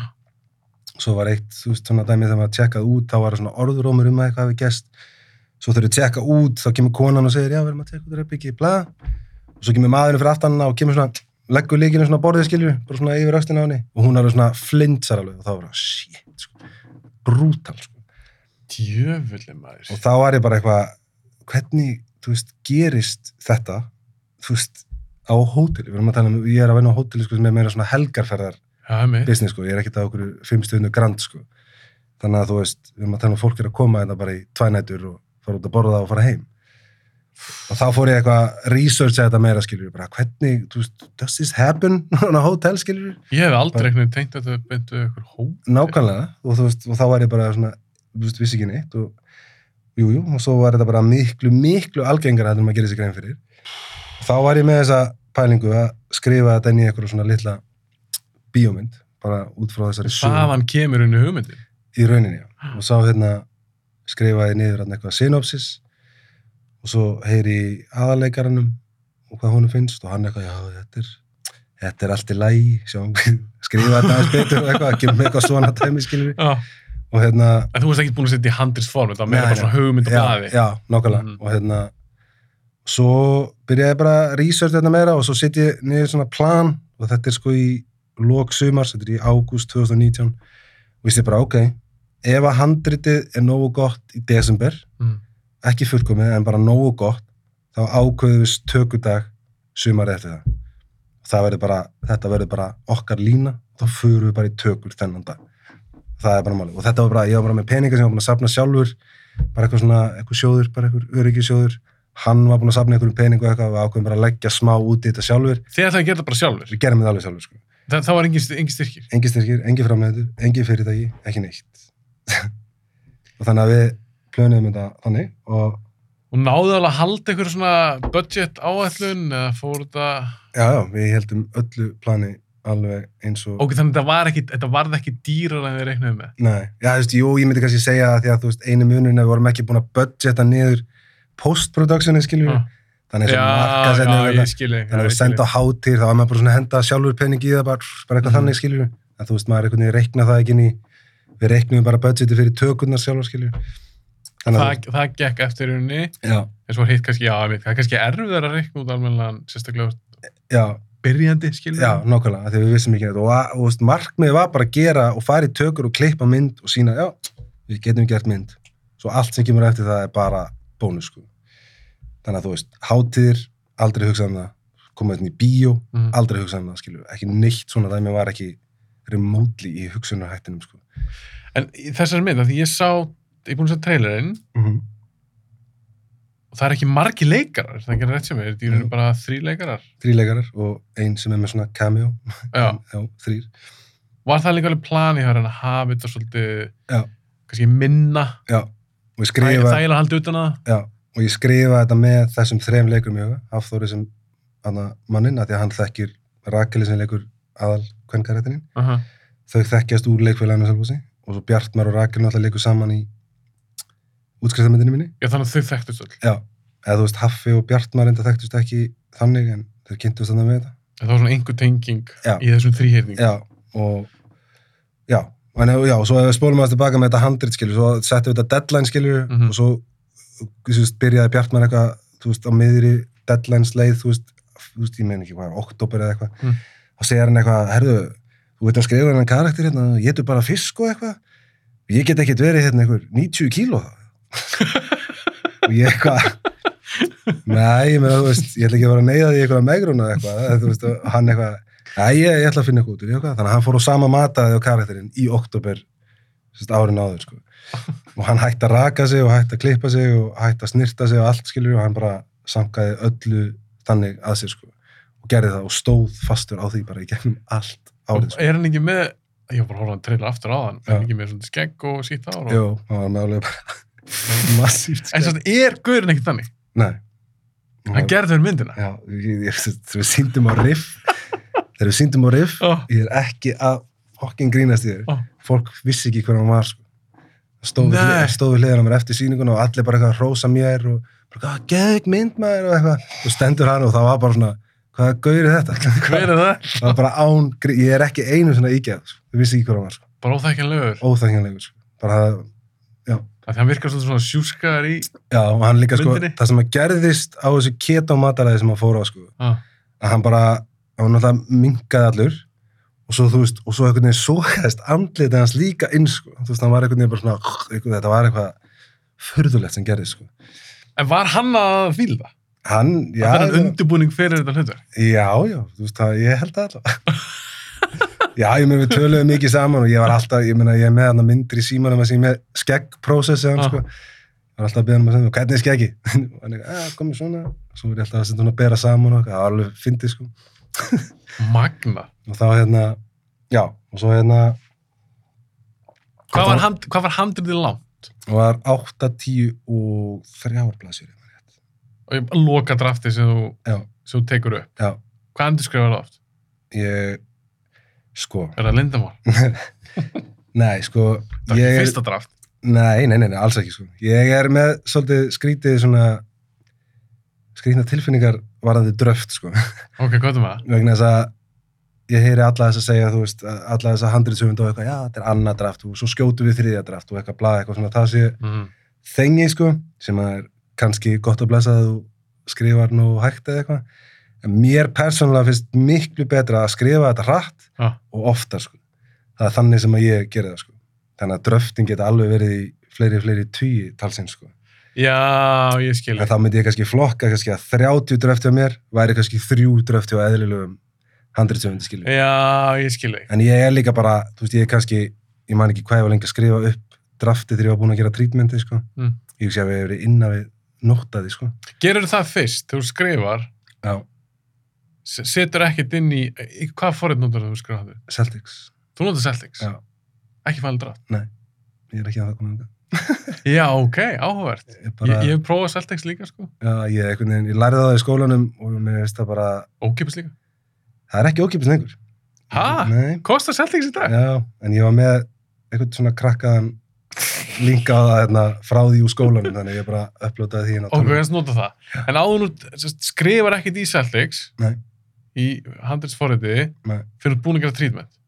Já, það er, já, nákvæmlega. Þú vinnur þannig. Já, það er bara, já, það, ég, ég, Hefur próf, hefur prófað hitt já, og það er ekki gangur þegar. nei, það bara gengur enga veginn, sko. Bara ég, bara, ég held maður sé ekki nógu góð penni til þess, sko. bara fíla Tarantino dæmið með það, sko. Mm. Skrifa bara senu eitt, svo kemur bara sena tvö, svo fyrir ég að sofa, hvað er þetta að gera í senu þrjú? Sjáum til á morgun. Þú veist eins og með drepa Hitler, skilju. Þú veist, Mm -hmm. á ég að drepa Hitler? Sjáum til. Fyrir að sofa og vagnar, já, ég ætla að drepa Hitler. Eða þú veist, þetta er algjörlega. Fíla þetta, skilju. En, Svo misið hvað hendar handelsundum, það er ekkert allir með sama Nei. ferli. nákvæmlega, þú veist, ég, ég skrifa, sko, ég skrifa synopsis, ég reyna að hafa fjóra til sex blaðsjur, bara synopsis, bara þetta er sagan mín. Mm. bara upp að miði og endir uh, ef ég næði í fjóra lámark fjóra síður þá veit ég með minn. Ef ég næði minn en það, þá er ég í vesinni, sko. Já, það vantar eitthvað. Já, ja, ég myndi segja kannski svona fimm síður frekar. Mhm. Og hérna, við reyna að hafa í kringum svona sex, það er svona markmiðið mitt. Þá fyrir ég að skrifa treatment og þá hef ég það eitthvað svona millir 10 og 15 blaðsíður. Hver er munun á synopsis, þessar sem 4-5, eða 4-6 blaðsjör, Já. hver er munun á því og svo treatment? Treatment er bara svona, það er ídalegt bara hvað gerist allstaðar, skilur. Meirist fleiri smáatrið og svona. Já, þú veist, synopsis er meira bara svona, já, þau fara í göngutúr. Þau bla bla bla, eru að labba þarna, þau kynnast þarna og bara eitthvað svona. Mm En svo er þú veist, treatment meira, þau fara í göngutúr, þau ræða um þetta og þetta og þetta, þau, þau rekast á þetta og þetta og þetta. En þú ert ekki með samtöl samt í þessu. Nei, nei, Nei. Stu, ég stundum seti innan svona sviga, skilja, ég fæ eitthvað hugmyndir, skilja,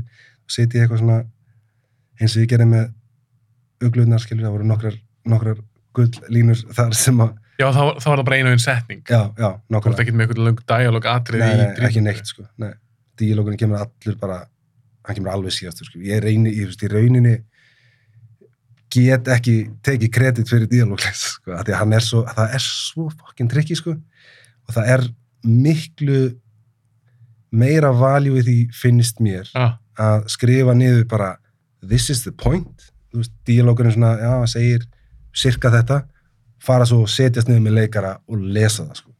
og finna þá, þú veist hvað er flæðið hérna skilju setur þá í rauninni þegar þú hittir þá leikarna, mm -hmm.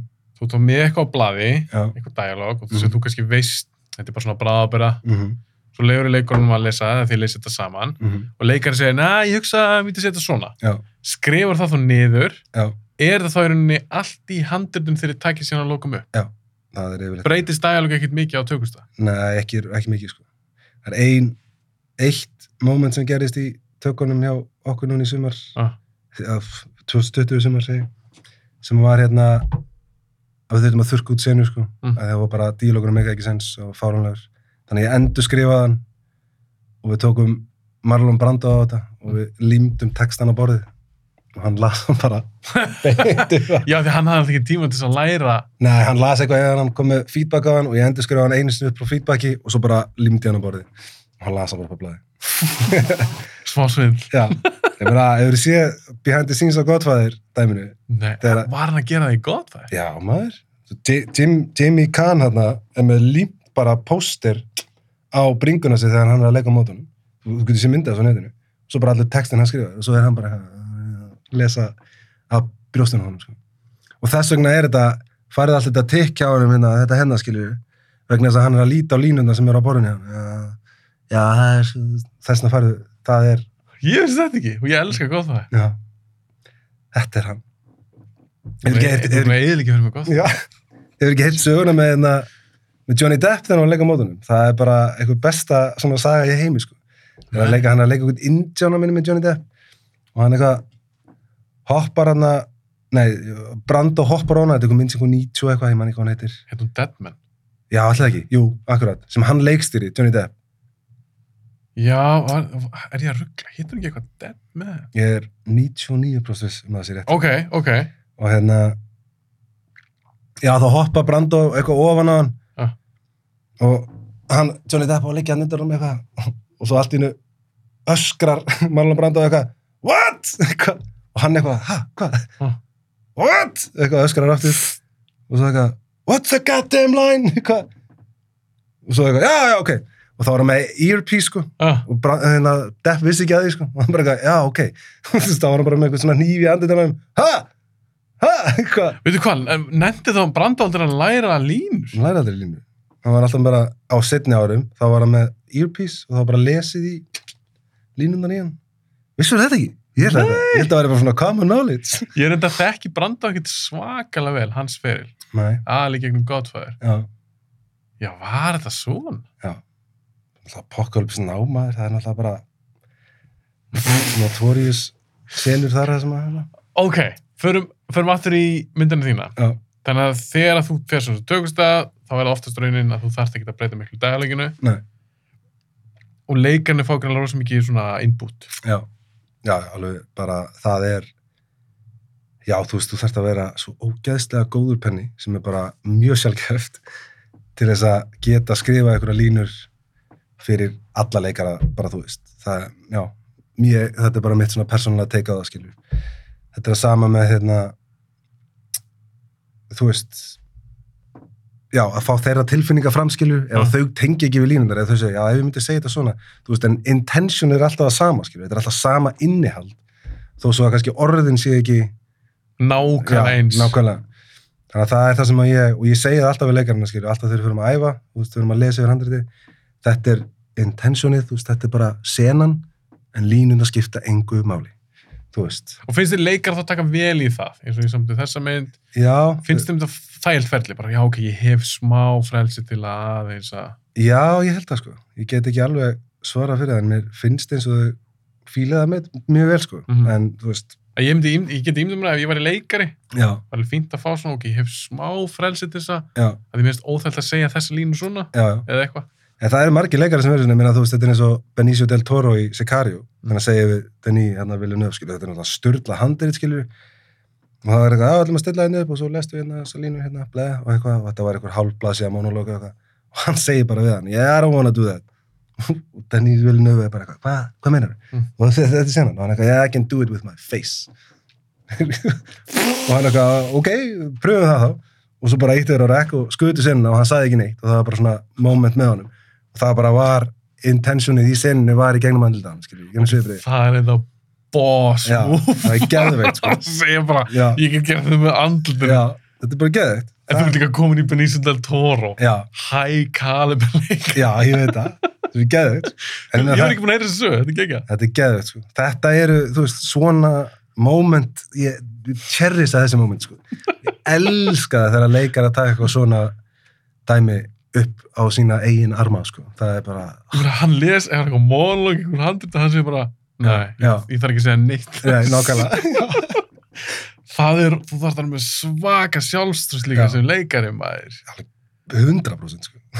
Þú veist, mér er það ekki sem dótt í hug, ég Nei. er ekki leikari Nei, bara eitthvað, já, her, ok, geggja monolog, ok, næs, þegar ég segi þetta hann bara, eitthvað, nei, Já. ég þarf ekki að segja þetta já, nákvæmlega. en það er svona geðveikt Ég veit maður. Það er bara, þetta er líka sjónrætt miðill Ég og veit það það. er cool að þú getur sínt eitthvað í stæðan fyrir að segja ég eitthvað veit það. Og það er svo mikið, þú veist, ég veit ekki, menn finnst það að vera miklu meira interesting, skilju, þegar þú getur sagt sögu með fáum orðum, skilju. Myndmálið er miklu skemmtilegra að mínum að því. Þú veist, hence, there will be blood, skilju. Þú veist, þetta er bara, það er ekki díalógu fyrstu 20 mínútur af þessari mynd, skilju, en maður er alveg fucking captivated af þessari mynd. Tónlistinn og bara, þú veist, rammandir og, og þú veist, og hann, þú veist, intense Mhm. Ah, það er bara svona ég er frá að horfa á hann aftur sko. shit sko.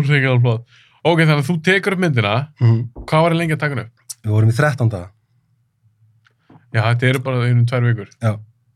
við hérna Var það? Þú veist, voru þið, já, við þú náðum veist, að drífa ykkur eða þú eitthvað? Þú varst að búin að storyboarda það þessa mynd líka? já, alveg, ég ætlaði að mindblóða með því Já. sko, það sem við gerðum Ah. að við fórum, fengum locationið sem sagt í láni eina helgi, frítt til að fara með leikurum Ah. öllum leikurum á myndinni og tökumanni og mér og við ljósmynduðum allt handritið Alla myndina? alla myndina, ég er með alla myndina í ljósmyndaformi hérna og það sem við gerðum, sem sagt, við settum svisniðum með handritið og við settum bara, skrifum bara hérna ætlum við að hafa close-up, Ah. hérna er vítskot, bla bla, svona og svo svona einhverja pælinga með linsur og eitthvað stundum skilur Ah. uh, tókum alla hreyfingar út skilur, vorum ekki með neina trakkaði neitt, því við vissum að það verið bara tímafrekt og dýrt skilur þannig að við lögðum upp með það, svo fórum við í húsið tókum alla myndina upp í ljósmyndaformi skilur, bara hérna er close-up, hérna vítt, bla bla bla svo fórum við heim og ég fór með leikurunum í stúdíó, heimastúdíó hjá Bjartmari, hann er með svona mæk og vesen Ah. og við lásum allt handritiðin og svo kliftu það við díalógin. Nei. Já. No joke. Og ég er með alla myndina hérna inni sko. Þannig að við kliftum í rauninni, Sérst ljósmyndar sem þið tóku, já, það er einn klukkutími og hvað, átján mínútur og loka myndin er einn klukkutími og 29 mínútur. en það lítur á að hjálpa ykkur gríðilega þegar það tóku svona upp myndina. Já, ég, við fórum úr sko, hvað var það, 400 sleitum, sem er sagt 400 setupum á kamerunni Já. Og svo köttum við út eitthvað 100, 200, við vorum enduðum í 200 eða eitthvað. Hvað er það? Eitthvað sleit og svona? Já, það er bara, þú veist, þegar þú færir kameruna, þú veist, bara nýtt sjónarhótt, basically. Þú veist, ný linsa á kameruna, það er nýtt sjónarhótt. þannig að þú veist, við höfum close-up, Já. sleit 1 annað close-up, sleit 2 og svo bara tel, telur sleiti bara Þannig kannski eitt, þetta er eitt atrið, eða kannski sín eitt, atrið eitt, já, sleit, það þarf sleit eitt, Já. svo er atrið eitt, sleit tvö. já, nákvæmlega og svo bara sleiti heldur sér alltaf í gegn skilur og svo enda bara sleitfjöldin hversu sem mikið sem það er sko. þannig að og við, Þetta voru það sérst færri en því að reiknaðu með fyrst, já, út af því að þið voru búin að undirbúa svo vel. já, þannig að við ljósmyndiðum allt sem við vildum ná og svo klipptum við, já ok, við þurfum ekki að hafa close-up hér, þá klippum við þetta bara út og þá vissum við það, þá endur gerðum við story, nei, hérna, skotlistan aftur út frá þessu storyboardi skilur og þá vissum við hvað við þurftum absolutt ekki að ná skilur, Og hvað var það langi tökum þar?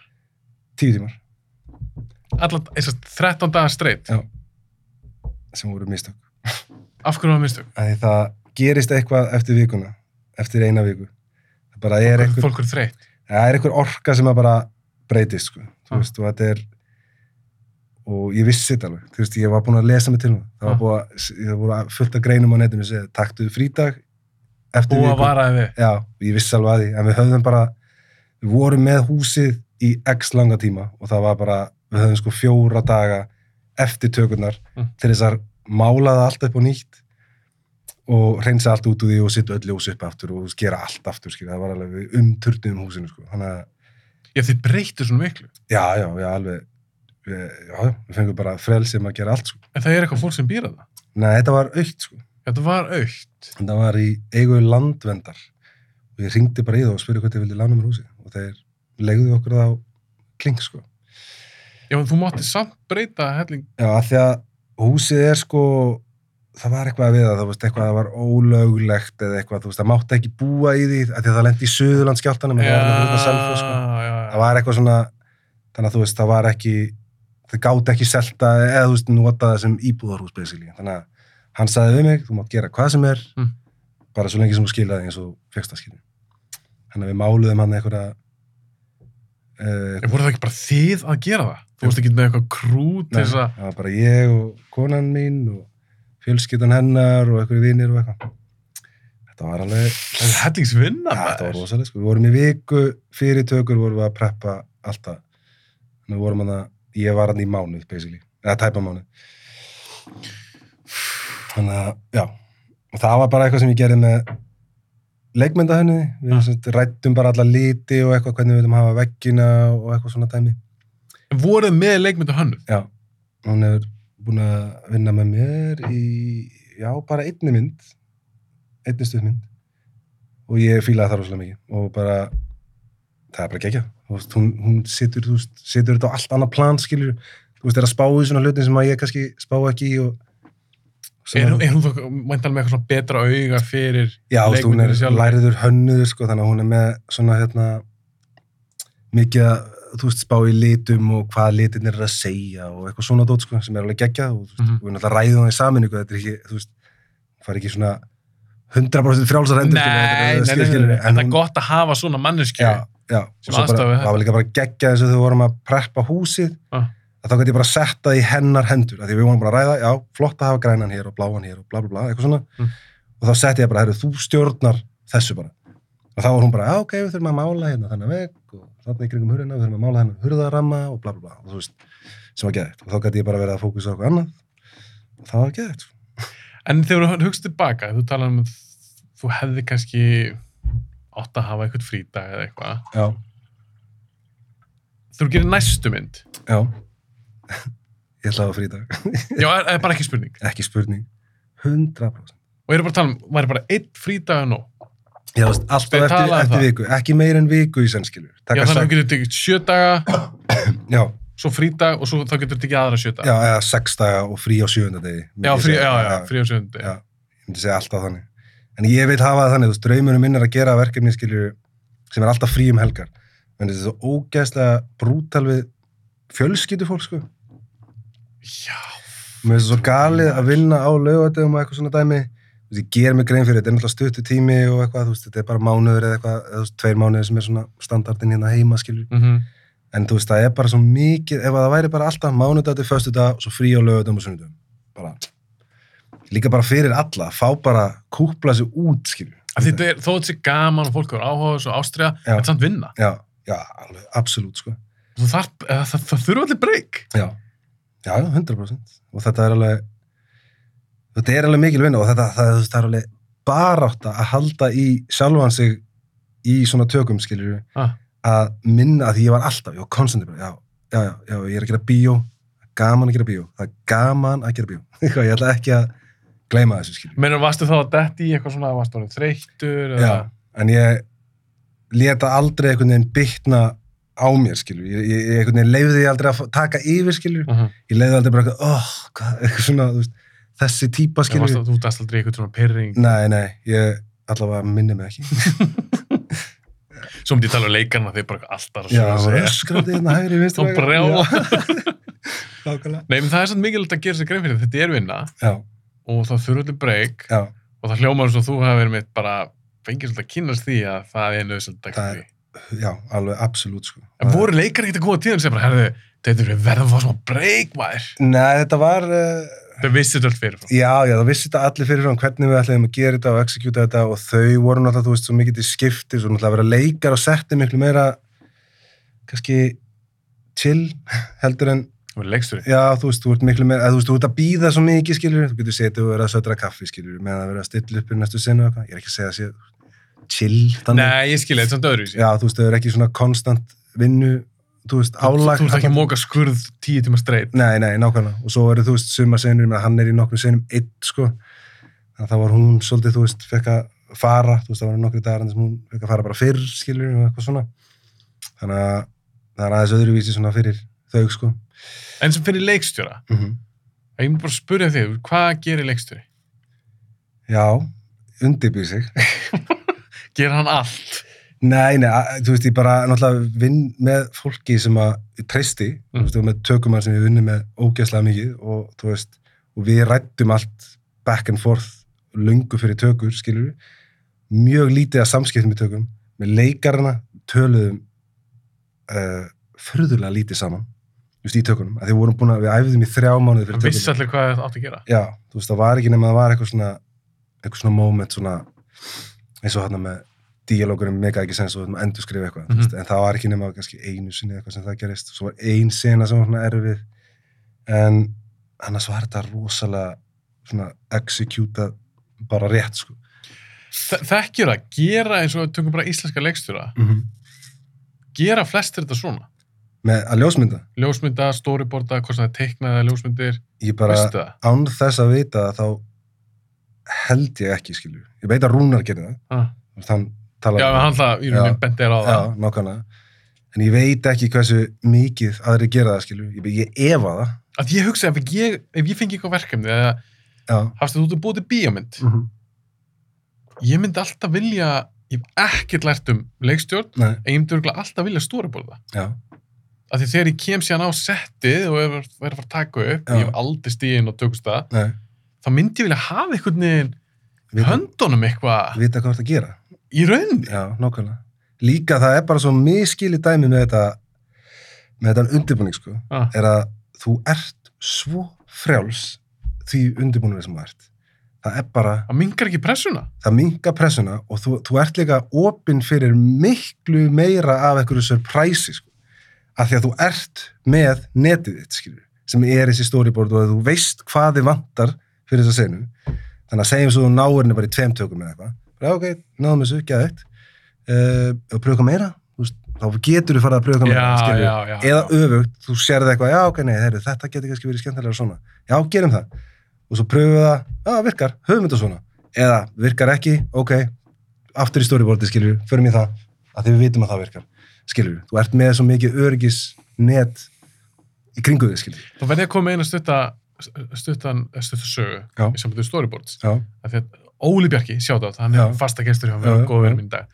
Hann var um að tala um það að, held að hann var að tala um Krónuberg fyrir History of Violence. mm Að Óli var að tala um að Krónuberg storyboardar ekki, nei, hann finnur bara sko, skotin á tökustafnum. já, Þegar ég las þetta, mér finnst þetta svo galið. já, Bara upp á, á stress og að ég geti þetta ekki. Ég skal, ég var einmitt að ræða þetta við um daginn, sko. Þetta er hérna, Paul Thomas Anderson gerir þetta líka, hann, hann storyboardar ekki neitt, sko, Ekki fyrir neina minn. ekki neina minn.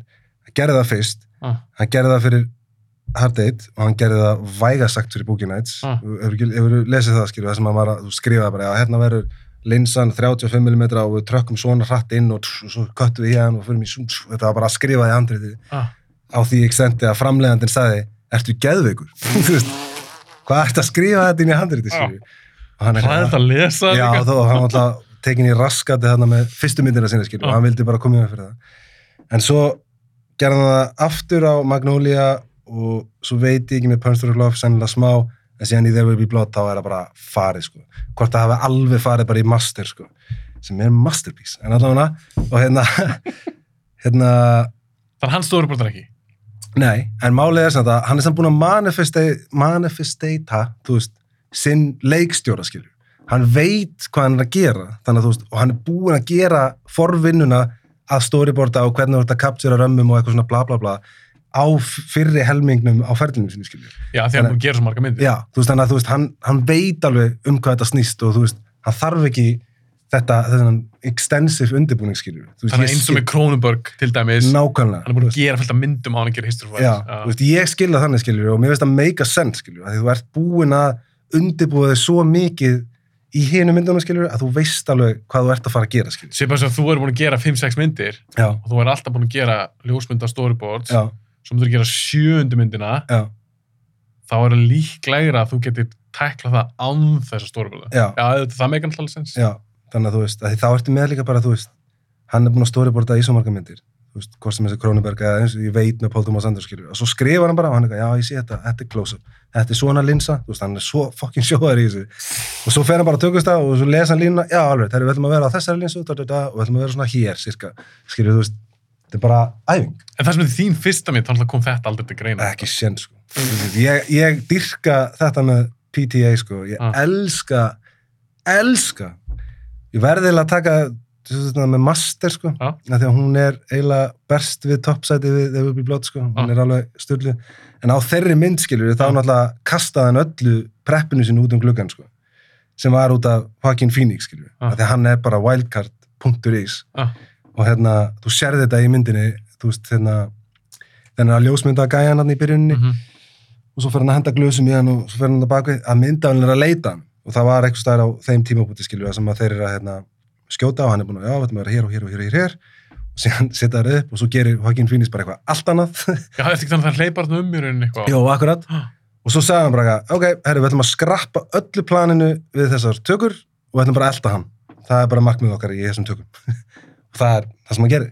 En eins og með The Master, já, verði ég hans að spyrja út í hana, því það er mynd sem að, að þú hlustar á Andersson þáttu minn. já, Ég er ennþá svona glíma við hann, ég er ekki alveg að fatta þessi mynd. Skilur það að ég er svo að þeimsta? já alveg 100% Skilur þú þessi mynd? Hvernig skilur þú hana? Um hvað er þessi mynd? Þessi Af mynd- finnst þér hún góð? þessi mynd er bara, hún er um svo geggjaða karakter þetta eru bara tveir karakter og sko fyrir utan, ef við tökum bara sagt, veist, formið utan af myndina, Mm. þetta eru tveir fokkin episskir performance leikarar skilur bara head to head í tvo tíma skilur Mhm. sem er svo geðveikt skilur þetta er svo, þú veist, ég, ég veit ekki hversu oft ég horta þessa mynd sko. hún er svo fokkin góð sko. En þú veist, að, ég skil nákvæmlega punktinn en að ég var ekki þannig fyrst skilur þetta er bara því ofta sem ég horfa hana Mm. þá er ég bara já, já. Meira og meira og meira og meira að fatta hana skilur en hún er í rauninni ekkit umneitt þetta er bara eitthvað svona svona karakterstúdía um eitthvað gæja sem er eins og api og svo eitthvað gæja sem er svo, svona stöðu fastur skilur sem er svo geðvikt Ég elska hvað þú elskar þessa mynd. já, þetta er bara pff, ég bara, ég geti, ó, ég dyrka sko. Og Það er aðalega út af í rauninni leikurunum já, og þessum og karakterum. svo líka bara svo, svo lúkkar hún eins og þú veist, gull sko hún er svo, þú veist, lúkkið á henni er náttúrulega bara þetta er fyrsta myndi sem hann skýtur án Robert Elsweit skilur þetta er annar tökumæður fyrsta sinn sem hann er unnið með einhverjum öðrum Mm. þú veist, þannig að það hefur komið einhver annar blær, þú veist, hann er að skjóta á þú veist, einhverjum bílaðar hérna 70 mm eða vélar einhverjar Mhm. og þú veist ég veit ekki, Philip Seymour Hoffman maður, hann er oh my god, sko bara, Hvað var besta hlutur ekki hans? ég held þessi master allan daginn, sko Já.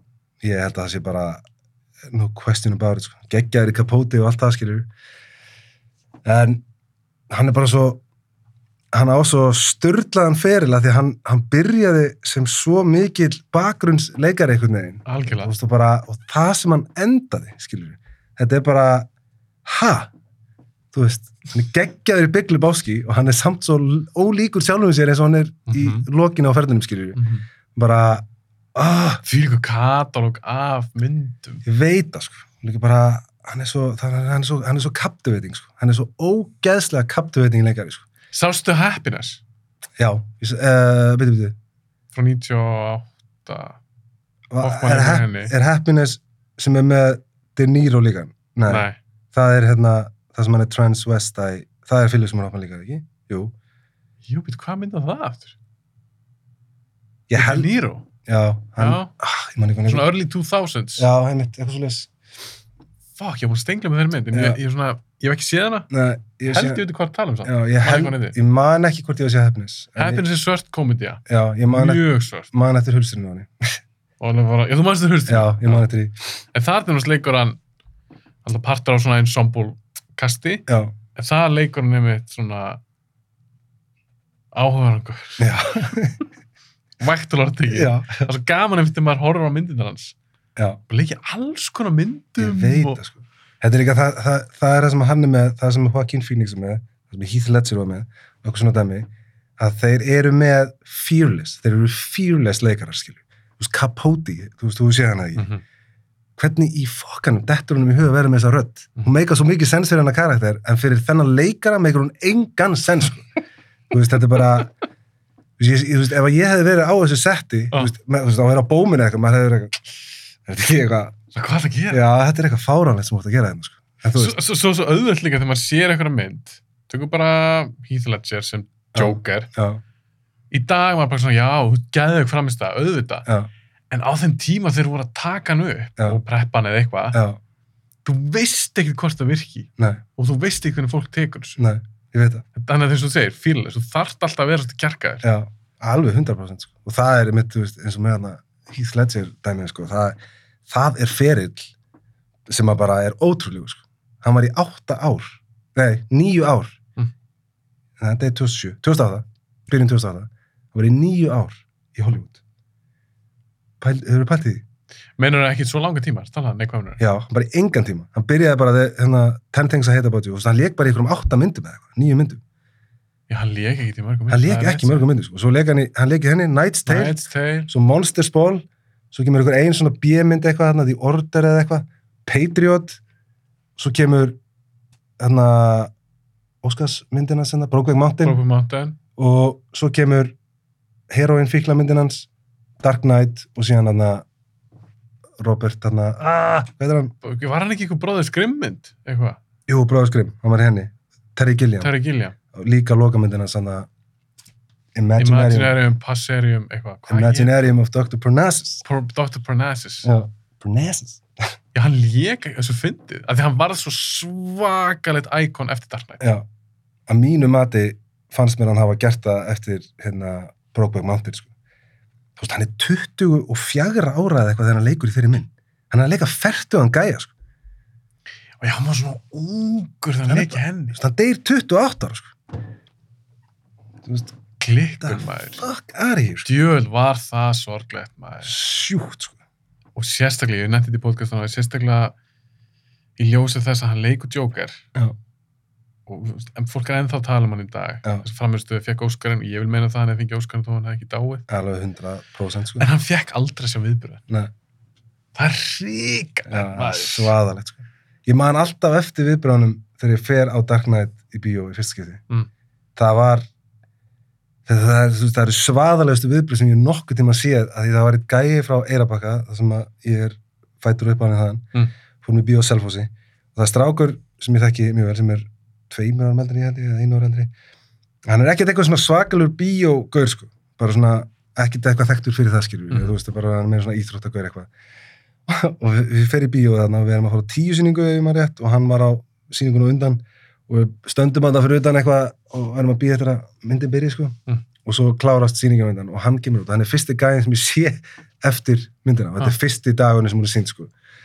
Og hann lappar út og hann er gjörsamlega mind blown. Ég hef aldrei séð hann hann lappar út og hann er bara hann er svona og ég eitthvað hvað Bara eftir sig. eftir sig sko. og ég eitthvað hvað og hann lítur á mig og hann er bara þetta er bara þetta er bara það besta sem ég sé.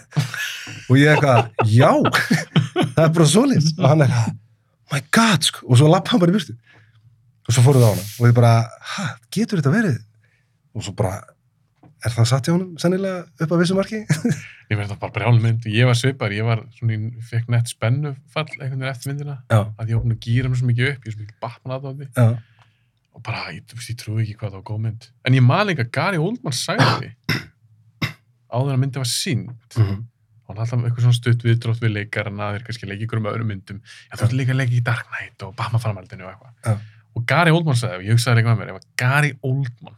Mhm, geðveikuleikari er að tala um að því hann sagði bara, já, er að gera svolítið spennandi hluti með já, og veist, partur með hugsaði með mér, já, hann er bara að hæpa myndina Já, og maður er heitt í dáður. Það var all scripted. En svo þegar ég sá myndina, þá var ég bara já, ok, já, hann var virkilega að tala um eitthvað spennandi. Já já, ég veit það sko, þetta er, þetta, er bara oh my god, sko, hann líka fekk frjálsar hendur, sko. Nolan kom ekki þessu, sko. Minnum við að þróa kærtir Já, veist, ég gerði svona stutta rítgerð um preppið hans á jókernum, skilju Já.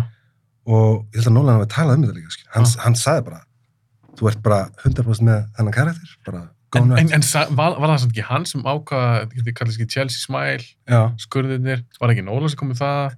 Jú, jú, það getur alveg verið, þú veist, eitthvað stanni, skilju en ég er að menna bara, hvernig hann tólkaði já, ég er að menna bara svona performancein, röddin og eitthvað svona dæmi, skilju þú veist, að það var, og ég meina, þú veist, öll vídjón sem hann tekur upp að þegar hann að drepa gæjan og eitthvað, skilju, það er allt bara ledger með kameru, sko, Mhm. þú veist, Nolan er ekki eins og í herbygginu, sko, en það er líka svona áhverð, af hverju vildi hann Ledger já.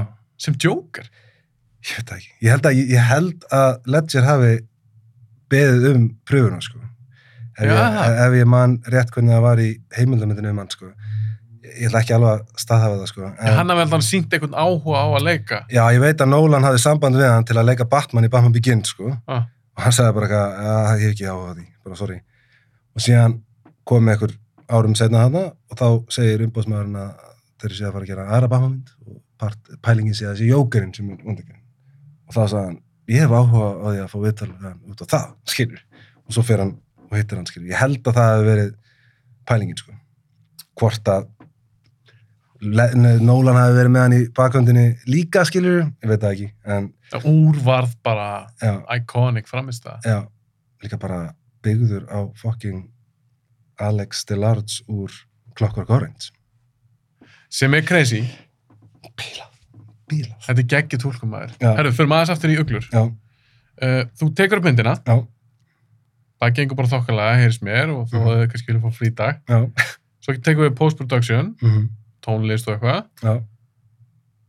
Og hvað svo? Ég meina, hvernig er það, er að fara sína myndina. Já, Hvernig gerist það? já, Sko, hvað gerir eftir tökurnar og myndin er svona þokkalega tilbúin? já, við byrjum á því að senda hana, sko, þarna einum upp í kvikmyndasjóð sem að sér um svona, koma myndum á hátíðir og er svona tals, eða svona kommunikata við hátíðir erlendi, sko. Já. Og hann eiginlega svolítið bara tók okkur upp á sitt band, sko, og fór að senda hana út á okkur hátíðir og fór að vekja aðtekla á því og þannig komist til með sinna á riff Mm og þegar að það gerðist þegar við fengum e-mail eitthvað, erum við okkur langar að byggja okkur að koma á riff, skilur við, það var bara, þá var ég bara, herðu, ok, það var ekki partur af programmet, sko. Já, var það ekki sem hún detta í hug? Þú veist, það bara var einhvern veginn, þú veist, jú, ég ætlaði náttúrulega alltaf að vera að gefa hann út og eitthvað, en bara svona innst inni, pælingi með að gera þessa mynd var að sína það fyrst og fremst fyrir sjálfum mér að ég gæti gert mynd í fullu lengt og réði við formið, skilur. Það var nummer 1, 2 og 3. Og svo var restin var bara bónus. Þannig að þú veist, já.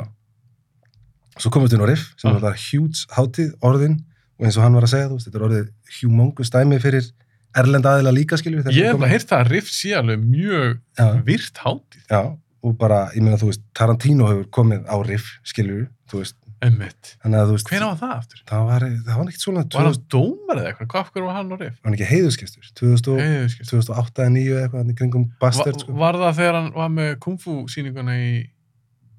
var hann með kung fu síningu, Hann var með, ég fór á hana, það var geggjað. nei, Það var í háskólabíó. já, Það voru síndar minn með tværa, þrjár, eitthvað svona old school kung fu myndir sem hann valdi. nei, Og hann var í salnum allt. Mér minna Íla Roth það verið með hann. sæl, já, getur, já, hann var hérna líka, Gæti verið að það verið eitthvað svipum tíma. já, já, svo kom hann aftur þarna setnum hausti, kom með áramótin hérna, Já, það var nú bara jamferð, það Já, ekki? jú, en ég segi það var í kjölfarið af, af þessari ferðin á Riff, sko. Já, ummitt, Og svo náttúrulega Darin Aronofsky hérna, hann var hérna heiðuskestu fyrir nokkrum ára líka. ummitt. Þannig að, Þannig að riff, þú komst inn á riff, já, þá var ég bara eitthvað, ok, og hvað, hvað, hvað gerir maður svo? Ah. Ah. Þú veist, já, þú þarf nú að búa til eitthvað fæl fyrir myndina og eitthvað og ég vissi ekki neitt, þú veist, ekki Ah. neitt á bakinu eða neitt, sko. mm Og þannig að þá einhvern veginn byrjaði maður bara að klóra sig í gegnum það, sko. Bara hvernig maður á að útbúa biofæl og bla bla bla og textana og annað eins, sko. biofæl. Já, sem er bara DCP, skilju. Sem er bara fælinn sem að fer í, Já, Já. sem fer í síningavél. já, já. Já, já, veist, það er ekki, ekki nóg að vera með MOV-fæl bara. Hvernig er það sem gert? Það er, konvertar eitthvað í DCP? Já, þetta er eitthvað forrið sem þú setur myndin inn í og svo konvert, þetta er alveg hjút stæmi, myndin er 128 gigabæti í þessu formi, sko, og þú veist, allt 5,1 surround hljóðið, skiljur, Já. það er hérna inn á þessu líka, skiljur. þetta er allt inn í þessum fæl. Já, já, og fyrir allt í, þú veist, alla hátalan og eitthvað. Þetta er alveg brútal shit, sko. En ég kann ekki á þetta, ég fekk bara fólk í kringum mig til að hjálpa mig með En það. þetta er alltaf gríðilega mikið svona að læra á reynsla sem kemur. Já, Fylgja með. það var líka hinn uh, pælingin með að gera þessa mynd, var að gera hana alveg sjálfur til þess að næstir fyrir að gera mynd, þá er ég búinn að fara í gennum allt ferlið frá A til Ö og get sagt eitthvað Já, já, ég um skilji. að, þú veist, hvort sem að sé tengt markasetningu eða undirbúning eða tökum eða whatever, skilur, þá er ég, þú veist, ég er búinn að gera þetta áður, ég veit alveg hvað ég er að tala um, skilur, þannig að þú veist, þá hef ég alltaf eitthvað að segja í því, skilur. Já, og þú ert líka það ekki ef eitthvað talar um um eitthvað svona biofæl, þá veist alveg hvað fólk, þó þú sért ekki dórnum sérfræðingur, þá veist alveg hvað að vera að tala um. já, já, nákvæmlega, og þú veist, og alveg eins með budget og eitthvað, þá getur maður að reikna, en já, við þurfum að reikna inn pening til að búa til DCP og eitthvað svona, þú veist, hvað sem það er, skilur. Það kostar allt peninga, Þetta kostar allt peninga en, maður. uh, En næst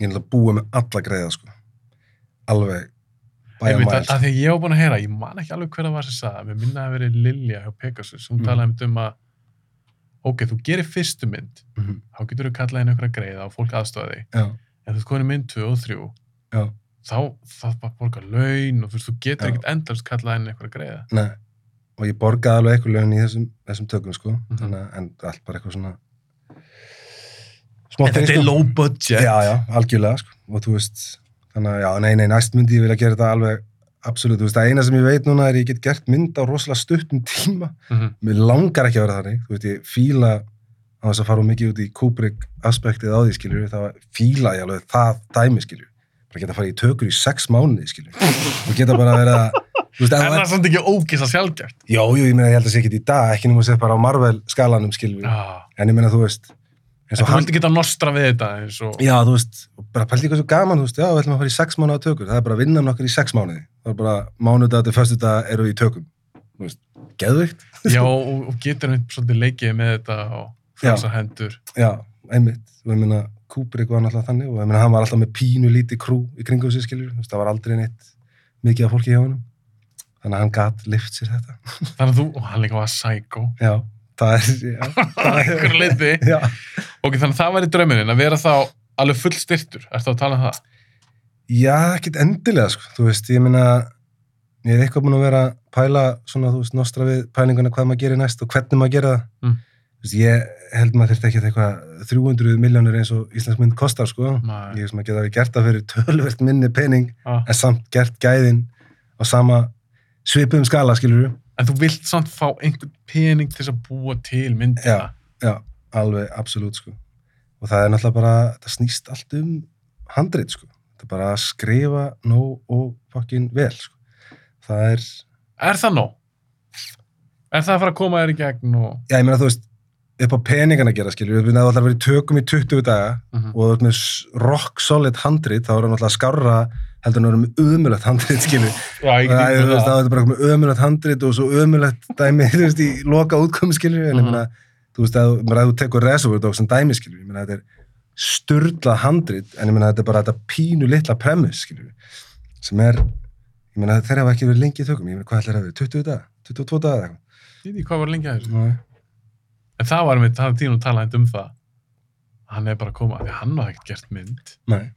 fyrsta myndin hans í rauninni, Já, svona feature length og sem fór í bíó. og svona. já, Hann talaði um bara, "Vá, ok, ég er, hún er í umkringdu fólki en það sem að já, veit hvað er að gera. veit hvað er að gera já. og nú bara reynir á hann. Já, nákvæmlega. Hann er geðveit, sko. Ég dyrka þetta, sko. Ég, hérna, já. En þú ert mæntalega með, þú talar um, þú verður að skrifa aðra mynd og, Mhm. og, og, þú veist, er, er þetta bara núna, markmiðið þitt Já, er að vinna sem kvipmyndagerðamæður? Já.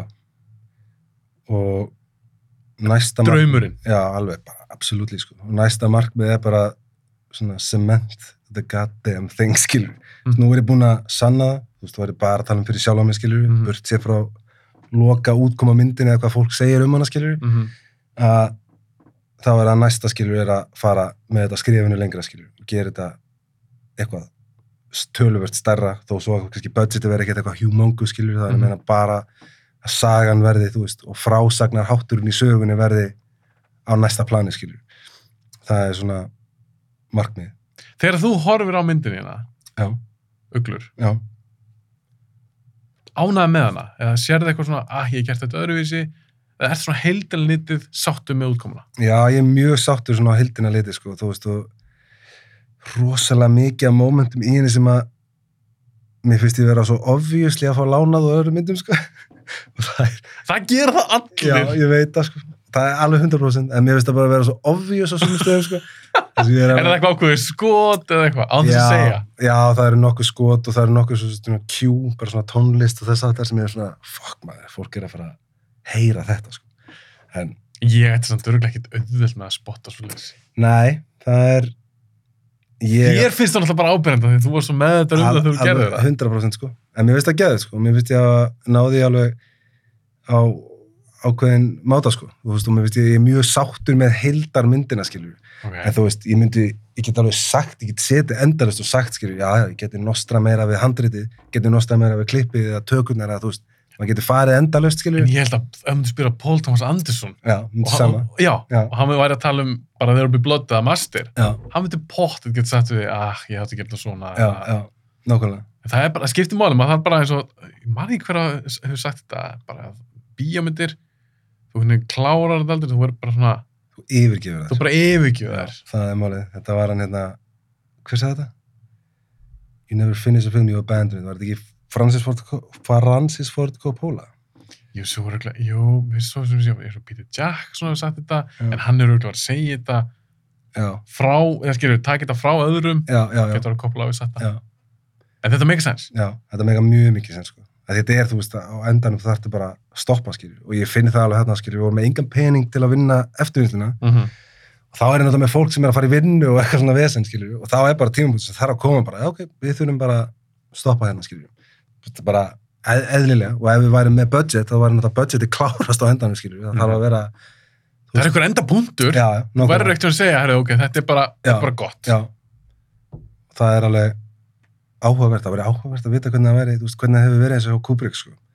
Það ég meina, Við skulum gafið það, næst- setna, þetta, það væri virkilega gaman. Já, ég er ógeðslega til í það. Ok, þá tökum við eitthvað svona, því ég hef verið, að- hef verið með svona túpartera fyrir leikstjóruna, Já. því mér finnst það ótrúlega skemmtilegt, fólk fílar það í bótt. Að ræða Fear and Desire. Fyrsta myndinu. Já, alla myndina, hann gerði ekki það marga myndir. 13. Það voru 13. Já.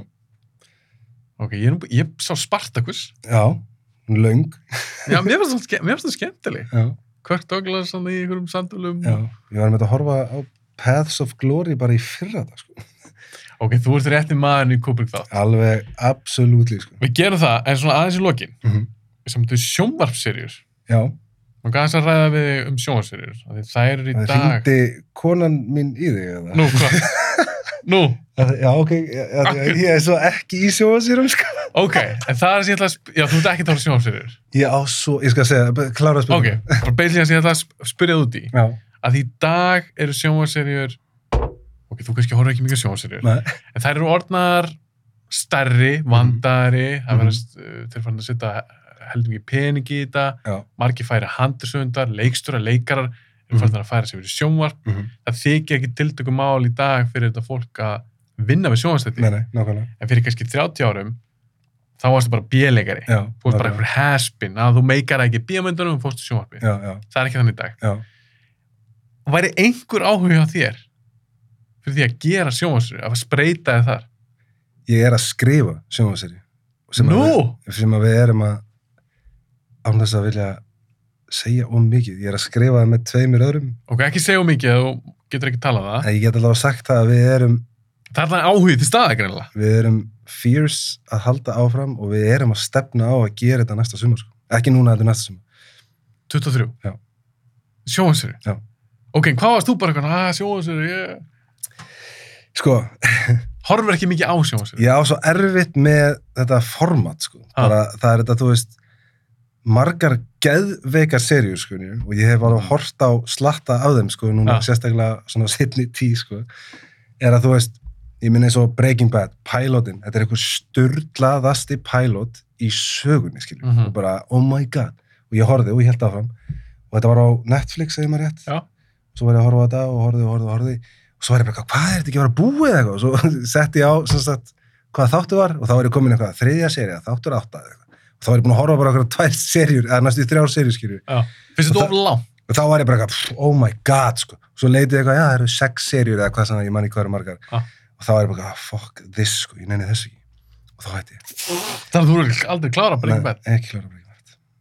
Ekki Bad Finnst þetta að vera of langt? já, mér finnst allt og allt og langt þetta, þetta tegist alltaf svo langt sko. En mínisýrjur, nú eru Já. stundum gera bara mínisýrjur, kannski Já. átta þættir og búið. já, ég horfði á Dope sekundaginn, geðveikt sko. Já, eins og það, segjum að komi aldrei, hugsa komi ekki að Nei. ég hugsa- sem mínisýrja, já, þið varst það ekki ekki. já, mér finnst það alveg já, En mér finnst þér það form spennandi? mér finnst það alveg, já, þú veist, ég hugsa myndi ekkit eitthvað mikið vera kýtlið í sjálfur, sko, ekki Já. nema bara, þú veist, það sem að við erum að plana að gera er, að, þú veist, aðeins meira í comedy aspektinu að því, sko. Já, en svona samt drama yfirvikt sko. Þannig að þú veist, en ég hugsi myndi ekki, fara í eitthvað svona dra, pjúra drama seri sko, ég, ég sé það ekki gera skilur, en ég aldrei sé aldrei skilur en það er þannig kveikir ekkert mikið þér. nei, og því að bara það þarf rosalega mikið til að ég horfi á eitthvað seri sko. Við alveg reynum, þú veist og, Hafdís er alltaf að reyna næla mér inn í eitthvað, það er bara svona Þannig að kvikmyndaformið já, er svolítið þitt uppáðsform. Já, þú veist, ég horfi frekar á fjagra tíma bíómynd heldur en að horfa á eina seríu, sko. Ekki nema eins og segi, þú veist, ef að premissið er eitthvað störla, skilju, þá, þú veist, yfirleitt læsi ég inn í það, skilju. En það eru svona ákveðin, hvað maður að segja, svona þeng í sjónvaseríu sem trubla mig svo mikið, skilju. Fyrsti þátturinn er alltaf störlaður, Ah. annað þátturinn er alltaf svona, uh, og svo miðju þátturinn alltaf bara eitthvað ógeðslega leiðilug. og svo endar þetta eitthvað, þú veist, á eitthvað svona high note, skilju. En lítur ekki á það sem tækifæri til þess að kafa mjög djúft í kartana. Jú, jú, algjörlega, en stundum er það bara leiðilegt. Og mikið hann er góða. Já, þú veist, ég meina, eins og ég veit hvernig Netflix virkar, ég hef heyrt hann að það var eitthvað að tala um þetta hvort það hefði verið tengstu við köllu eða eitthvað. Mm. Þú veist, þá var þetta, já, við erum með hérna sex þátt að serju, eða þú veist, eitthvað svona um þetta eitthvað. Mm. Og þú veist, þá hefði við heyrt að Netflix segja bara, eitthvað, já, hafðu það átta. þú veist, og það var eitthvað, "Ó, ok, já, við bætum við tveimur, eitthvað, og þá er það að tegja þetta einhvern veginn inn í þetta. Stundu, stundu finnum maður það líka. Já, sem útskýrir rosalega miðju þátt, skilur, sem er bara eitthvað svona, það er ekkert að gerast hérna. Og það er alveg, já, það eru nokkri þannig þetta sem finnst alveg, oh, það er svo erfitt að horfa á þetta, sko. Ok, loka spurning. Já, Heldur þú kvikmyndaformið, já. Þegar miðum bara við tveir tímar, Uh -huh. bíómyndi cirka tveir tímar, heldur að verði til eftir hundra ár? Já, það er góð spurning. Það er góð spurning, sko. Að ég er ekki alveg viss. Nei, Að því sögur verða alltaf til já, og sögur í myndarinn formi verða alltaf til. já. Hvert, er, hvert er á að stemna? þetta er, sko, já, bara tveir leikstjórar sem að, ég get nefnt núna sem að ég veit, bara því það gerist núna í daginn, skilur. Ah, Wes Anderson og Paul Thomas Anderson. Mm. Báði með nýjar myndir sem kom út í fyrra, mm voru syndar í Bíóparadís. -hmm. sem er galið sko. þú veist, fyrir nokkrum árum hefði þetta verið bara þú veist, sambjóin smára bíó bara, pff, bara nýja myndin eftir Páð Thomas Anderson, nýja Wes Anderson Ég meina, finnst ég bara fann á Netflix? já, dæmis. skiljanlega þú veist, ég, Pínleðilegt. já, mér finnst það, ég er alveg samanlega sko. mér finnst það ógeðslega leira og mér finnst það ógeðslega og ég meina, þú veist, eins og Licorice Pizza skilur, sem var ömurlegt hvað hún var lengi að koma að þetta skilur, að því að voru, ég var að býða bara, hún sá ekki neinsta, ég leita Bíóparadís, Smára Bíó, Sambjóin og eitthvað. Bara ekki neitt þar, ekki neitt skjátsjóla á þessari mynd. Hvað er að gerast? og svo kommenta ykkur á þetta á kvikmynda áhuga menni Já. bara er þessi mynd ekki að koma? Og það var eitthvað sem að fann út hver á með sýningaréttin dreifingaréttin frá þessu fyrirtæki og þá var eitthvað sem hafði samband við Bíóparadís eða eitthvað, ég veit ekki hvort að þeir þeir rettu henni. já, þú veist, ég veit ekki hvort að þeir hafi rettað henni út af því eða verið búnir að plana það bara aftur þeirra auðlýsar, veit það ekki en það var allavega lifesaver fyrir mig, af því að ég komst á kvikmyndahótið með uglur Ah. út í Noregi, stæðsta kvikmyndahótið í Noregs Ah. og Licorice Pizza var á hátíðinu líka sko. Sást hann þar? nei, ég fekk COVID áður en rétt fyrir flug jú maður þannig að ég var alltaf bara eitthvað, yes, ég er að fara að sjá Licorice Pizza Ah. þannig að ég kemur ekki til Íslands því ég sá Phantom Thread í filmusýningu, 35mm filmu í London sko. Ah. þannig ég sé síðustu tvær í bíó sko. og Og hver er framtíð? Ég meina, við að fara að sjá high caliber leikstjóra að kveikmyndi gera menn? Bara fara á streymisveitur já, eða hverfi sjómanstætti? ekki nefnir náttúrulega kvikmyndaháttir þær eru náttúrulega svolítið lang lífar ennþá allavega. Þær eru eftirsóttar ennþá. Þú veist, það er alveg hópur af fólki sem fer á þetta. En ég meina, Er hann nógu stór? ég pff, veit það ekki. Ég meina, Er, er framtíðin bara ég vil ekki enda þetta á okkur svona svart sínum nótum. En er framtíðin bara Spiderman 20 já, alltaf ekki. Skilur sem er ógeðslega leðilegt það er bara, Við sjáum hvað No Way Home Spiderman myndin gekk svakalega vel já, það er náttúrulega þú það er náttúrulega með tvei fyrir einn með það sko. þú veist, þú ert með á öllum þessum myndum Mm. sem að Marvel er Mm. og eða DC skilju, þú ert með þetta tveir fyrir einn skilju. það er alltaf mamma og pappi fara með strákin eða þú veist, pappin fer með strákin sinn, eða mamman Það fer með þessu fjölskyldumyndir já, þú veist, þetta er, já, eða bara myndir sem að þú veist, krakkið mitt fara í bíó, þú veist, tíu ára gamall, fara að sjá, þú veist, já, er það er þetta skilju, Já, það varst búin að selja Já. eða þrjá með það já, nákvæmlega, þú veist, það er alltaf þetta skilju, þannig að ég veit það ekki, sko. en ég meina, þú veist, Þú veist, verður þetta bara spektakulmyndir eða er þetta bara bóla sem mun springa og, kvik, og, og gæða kvikmyndagerð mun alltaf já, svo, svo, svo sér lifa? svo sér það eins og Batman, hún kom um daginn, eins og kannski veist, næ, Hvernig varst þér hún? mér fannst hún, uh, kontroversar að segja eitthvað, sko. Þú varst, þar er ég að klippa út úr þættir Já, ég held það bara. Þú varst ekki sáttur? Uh, jú, ég var sáttur sko. Ah. Uh, heilt yfir, bara svona genuinely fannst mér hún alveg styrlu og þú Pattinson styrlaður sko. Já. Uh, mér fannst, þú veist, sagan og svona dæmi, mér fannst að trublaði mig hvað það var unoriginal. Mm. Mér fannst það leiðilegt. Fannst þetta of mikið svona Zodiac, Seven, Dota eitthvað? Er það alveg það? Mér fannst það bara allt og líkt Dark Knight sko. Í, í þessu, sérstaklega eins og villanin var að setja upp þetta kaos dæmi skiljur Mm. vídeovillan dæmið skilur nema mér fannst það bara mér fannst það svo forserað hjá honum greið pólta hann á skilur Ah. ég hefði lýsa miklu meira á honum eitthvað svona dæmi en þú veist ég er að segja þetta allt með fyrirvæðan það að mér fannst hún samt góð sko þú veist Mhm. mér fannst hún ekki þetta er bara svona þegar ég fer að nýttbyggja hann og mér fannst hún miklu betri þegar ég fór hann í setnaskipti sko Já, já, já. ég man eftir sko að að þú veist og það trubla með díalóganir trubla með rosalega í þessari mynd sko Aha, finnst þér léli? Já, mér finnst það, það er bara ex, exposition, þeir eru alltaf verið að segja allt sem er að gerast eitthvað, Mhm. og þeir stu þegar hann bara revílar allt plottið sitt hann að, rillir í lokin, skilju, Ah. það er bara eitthvað, oh my god, sko, þú bara, þú þú bara lesa þetta, skilju, mm -hmm. það, er, það er ekki neitt svona revíl, skilju, og svo var það, þú veist, enda atrið svo antiklimatik með að við, skilju, veit ekki, mér fannst það svona, og svo eiginlega alveg fór hún yfir um þegar að hann revílaði jókan í lókin, sko. Áklúður. þá varstu komið með bara, já ok, þú ert bara að kopja það sem að Nolan er að gera upp á þú veist, hvert þú ert að stefna með það, skilur, ekki, þú veist, ég er ekki að segja lúkið eða neitt þannig, skilur. Nei, nei, ég skil því Þú að því að því að Bambi Begins, þá fáum við Joker-spilið, en Já. það fannst mér bara miklu betra, miklu skemmtilegra, að ég dýrkaði The Batman, Já, en eins og lokin þar í Bambi Begins, Já. þetta var svo gott já, en þú líka sérði ekki Joker, nei, en þú veist að þetta er að vera að tala um Joker. Já, ég veit það, það er sem geðið, sko.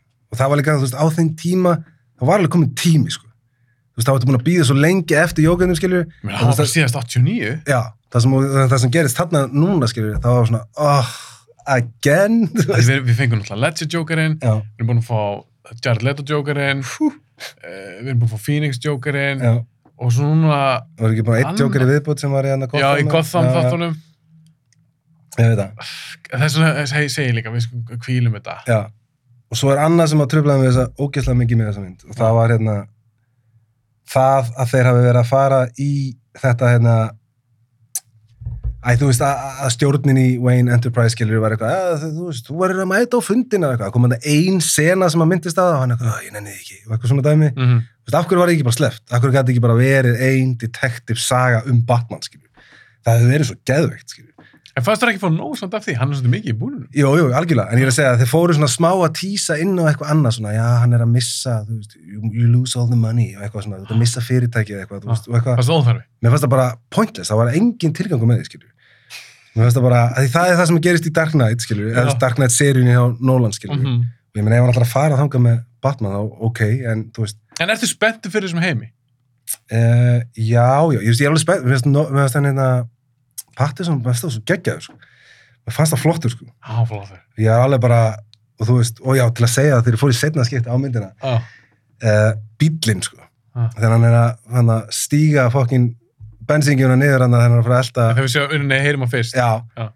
fyrst á er ég bara, oh my god, yeah, og svo þegar ég fór í setna skipti, ég fór í laugar að spila í setna skipti, mér langaði að pröfa það, Já. og hérna, þá, ég átti alveg erfitt með að sitja kjur, sko. Mm. Ég var alveg svona, já, fokk, já maður, kontu með það, eitthvað, ég var bara, svo held hann á hann og ég eitthvað, ah, og ég var bara, og var með strákið mig með mér aftur, sko, og ég var bara, ég var alveg svona íðandi, eitthvað, oh yes, eitthvað, ég var svo spenntur, sko. þannig að þér fannst þetta geði Mér finnst það sturla og gæsa hún alveg bara, ah, og svo bara, ah, þetta er svo geðvegt atrið, sko. Þetta er frekar trillsat Já, þetta er trill, sko. Og hérna, en ég veist að segja, þú veist, heilt yfir alveg góð, en skilja, þú veist, hún er ekki gallalög, sko. Nei, maður- nei, alls ekki, og svo ekki ef maður horfir á þetta, þú veist, maður á ekki að að bera þetta saman við Dark Knight, ég gerir mér alveg grein fyrir því, sko. en er hún gallalust líka? Hún er ekki gallalös, en það sem hún hefur fram yfir Ah. allar aðrar þessar myndir, skilju, já, er að hún er með svo ógeðslega mikið emotional stake í gangi, sko. Frá aðal karakterin. Þú ert með, þú veist, Batman já, þú ert með Jókerinn eitthvað, "Ah, þú ert að velja Rachel eða Harvey, skilur gangið Mhm. vel, og það er bara þú situr áhörðan bara í eitthvað, fuck hvað ætlar að gera, skilur, og svo fyrir löggan og svo er hann bara svissaði ekki, eða twist, skilur Mhm. sem er svo geðvegt, skilur, þá ertu með hans emotional dæmi er svo ógeðslega stert, sko. Og svo ertu með það sama í lokin þegar að hérna, bátanir eru að með sprengjuna, skilur, Mhm. og þú ert með svo mikið svona morhaldi lemma hjá áhörðundum, skilur hvað myndið þú gera, þú veist Mhm. það, þú ert ekki með það í þessari nýju mynd, skilju. Ekki allavega á þessu kaliberi, skilju. en eins og bara lúkið og, og ertu, ertu Batman að þetta, fílar karakterin Já, ég dyrka hann, sko. Ok, þú dýrkar Batman. Ég, ég var alveg obsessed með hann í gamla dag, sko. hvernig varst það að sjá þetta svona take á, Mér varst það geðveikt, sko. Og ég er alveg sammála því, ég með ekki hvort ykkur rætti það hjá þér eða eitthvað, Mm. að þetta er svolítið það sem að Nolan hefur verið að stefna á að reyna að gera, sko. Þú veist, lúklega sé, skilju. Mhm. Ég er alveg, mér finnst það, sko. Og ég er alveg ef að það hefur verið, þá hefði þetta verið bara game over fyrir alla aðra, sko. Meinur ef að það hefði verið í Dark Knight Já, þú veist, ef þú farið þangað í Batman Begins, Dark Knight og Dark Knight Rises. Já, fannst hún léleg? með þessu liðlega, já. ok, við getum blara endalist þetta Já, uh, við skulum fara að slúta þessu já, til það. af því að þetta getur verið 40 minútur Uglur sínd í Bíopartís 7. apríl, 7. apríl mættu. það gæti verið að það hefði verið í gær þegar þessi þáttur er Já, vá hvað sýndur það er áhugaverst. Já. Þá verði ég sennilega ekki svona rólegur. en þú ert alveg spenntur, Já, væntanlega já, og ég ætla, þú ætlar að mæta í bíó, ég ætla að bjóða þér í bíó, ég ætla ekki að senda þér hérna, ætlar að bjóða mér í bíó já, forsynningu, það ekki? hvernig er það sín, eða hvernig er fórsynningi? Hún er 7. apríl, í gær. eða fyrra dag, Já, maður já. ekki alveg hvernig ég ætla að gefa út um þátt uh, ok, eða þá þessi þáttu komið út já, það kemur ljós það kemur út í fyrirmyndsinningavíkunni gett. uh, 7. apríl hvað, hvað þetta var það? Er þetta pössun, ég ætla að koma maður það ekki? jú, Klálega. ég var svo góða foreldra mamma er búin að segja um mig, eða mamma pabbi bara ef að þér er búið okkur svona fórsynningu kringum bíó, bíóblaður þá erum við alltaf til að koma að passa Já, þannig að shout-out á foreldra mína þau eru æðisleg, geðveikt. bara takk fyrir það það var ógeðst að gana hitta teitur Sumulegis. og ég sé myndin hérna, uglur Já. og svo næst tökum við Stanley Kubrick Ég er ógeðslega til það. Djúfitt er spennt. já, gaman að segja maður Sumulegis.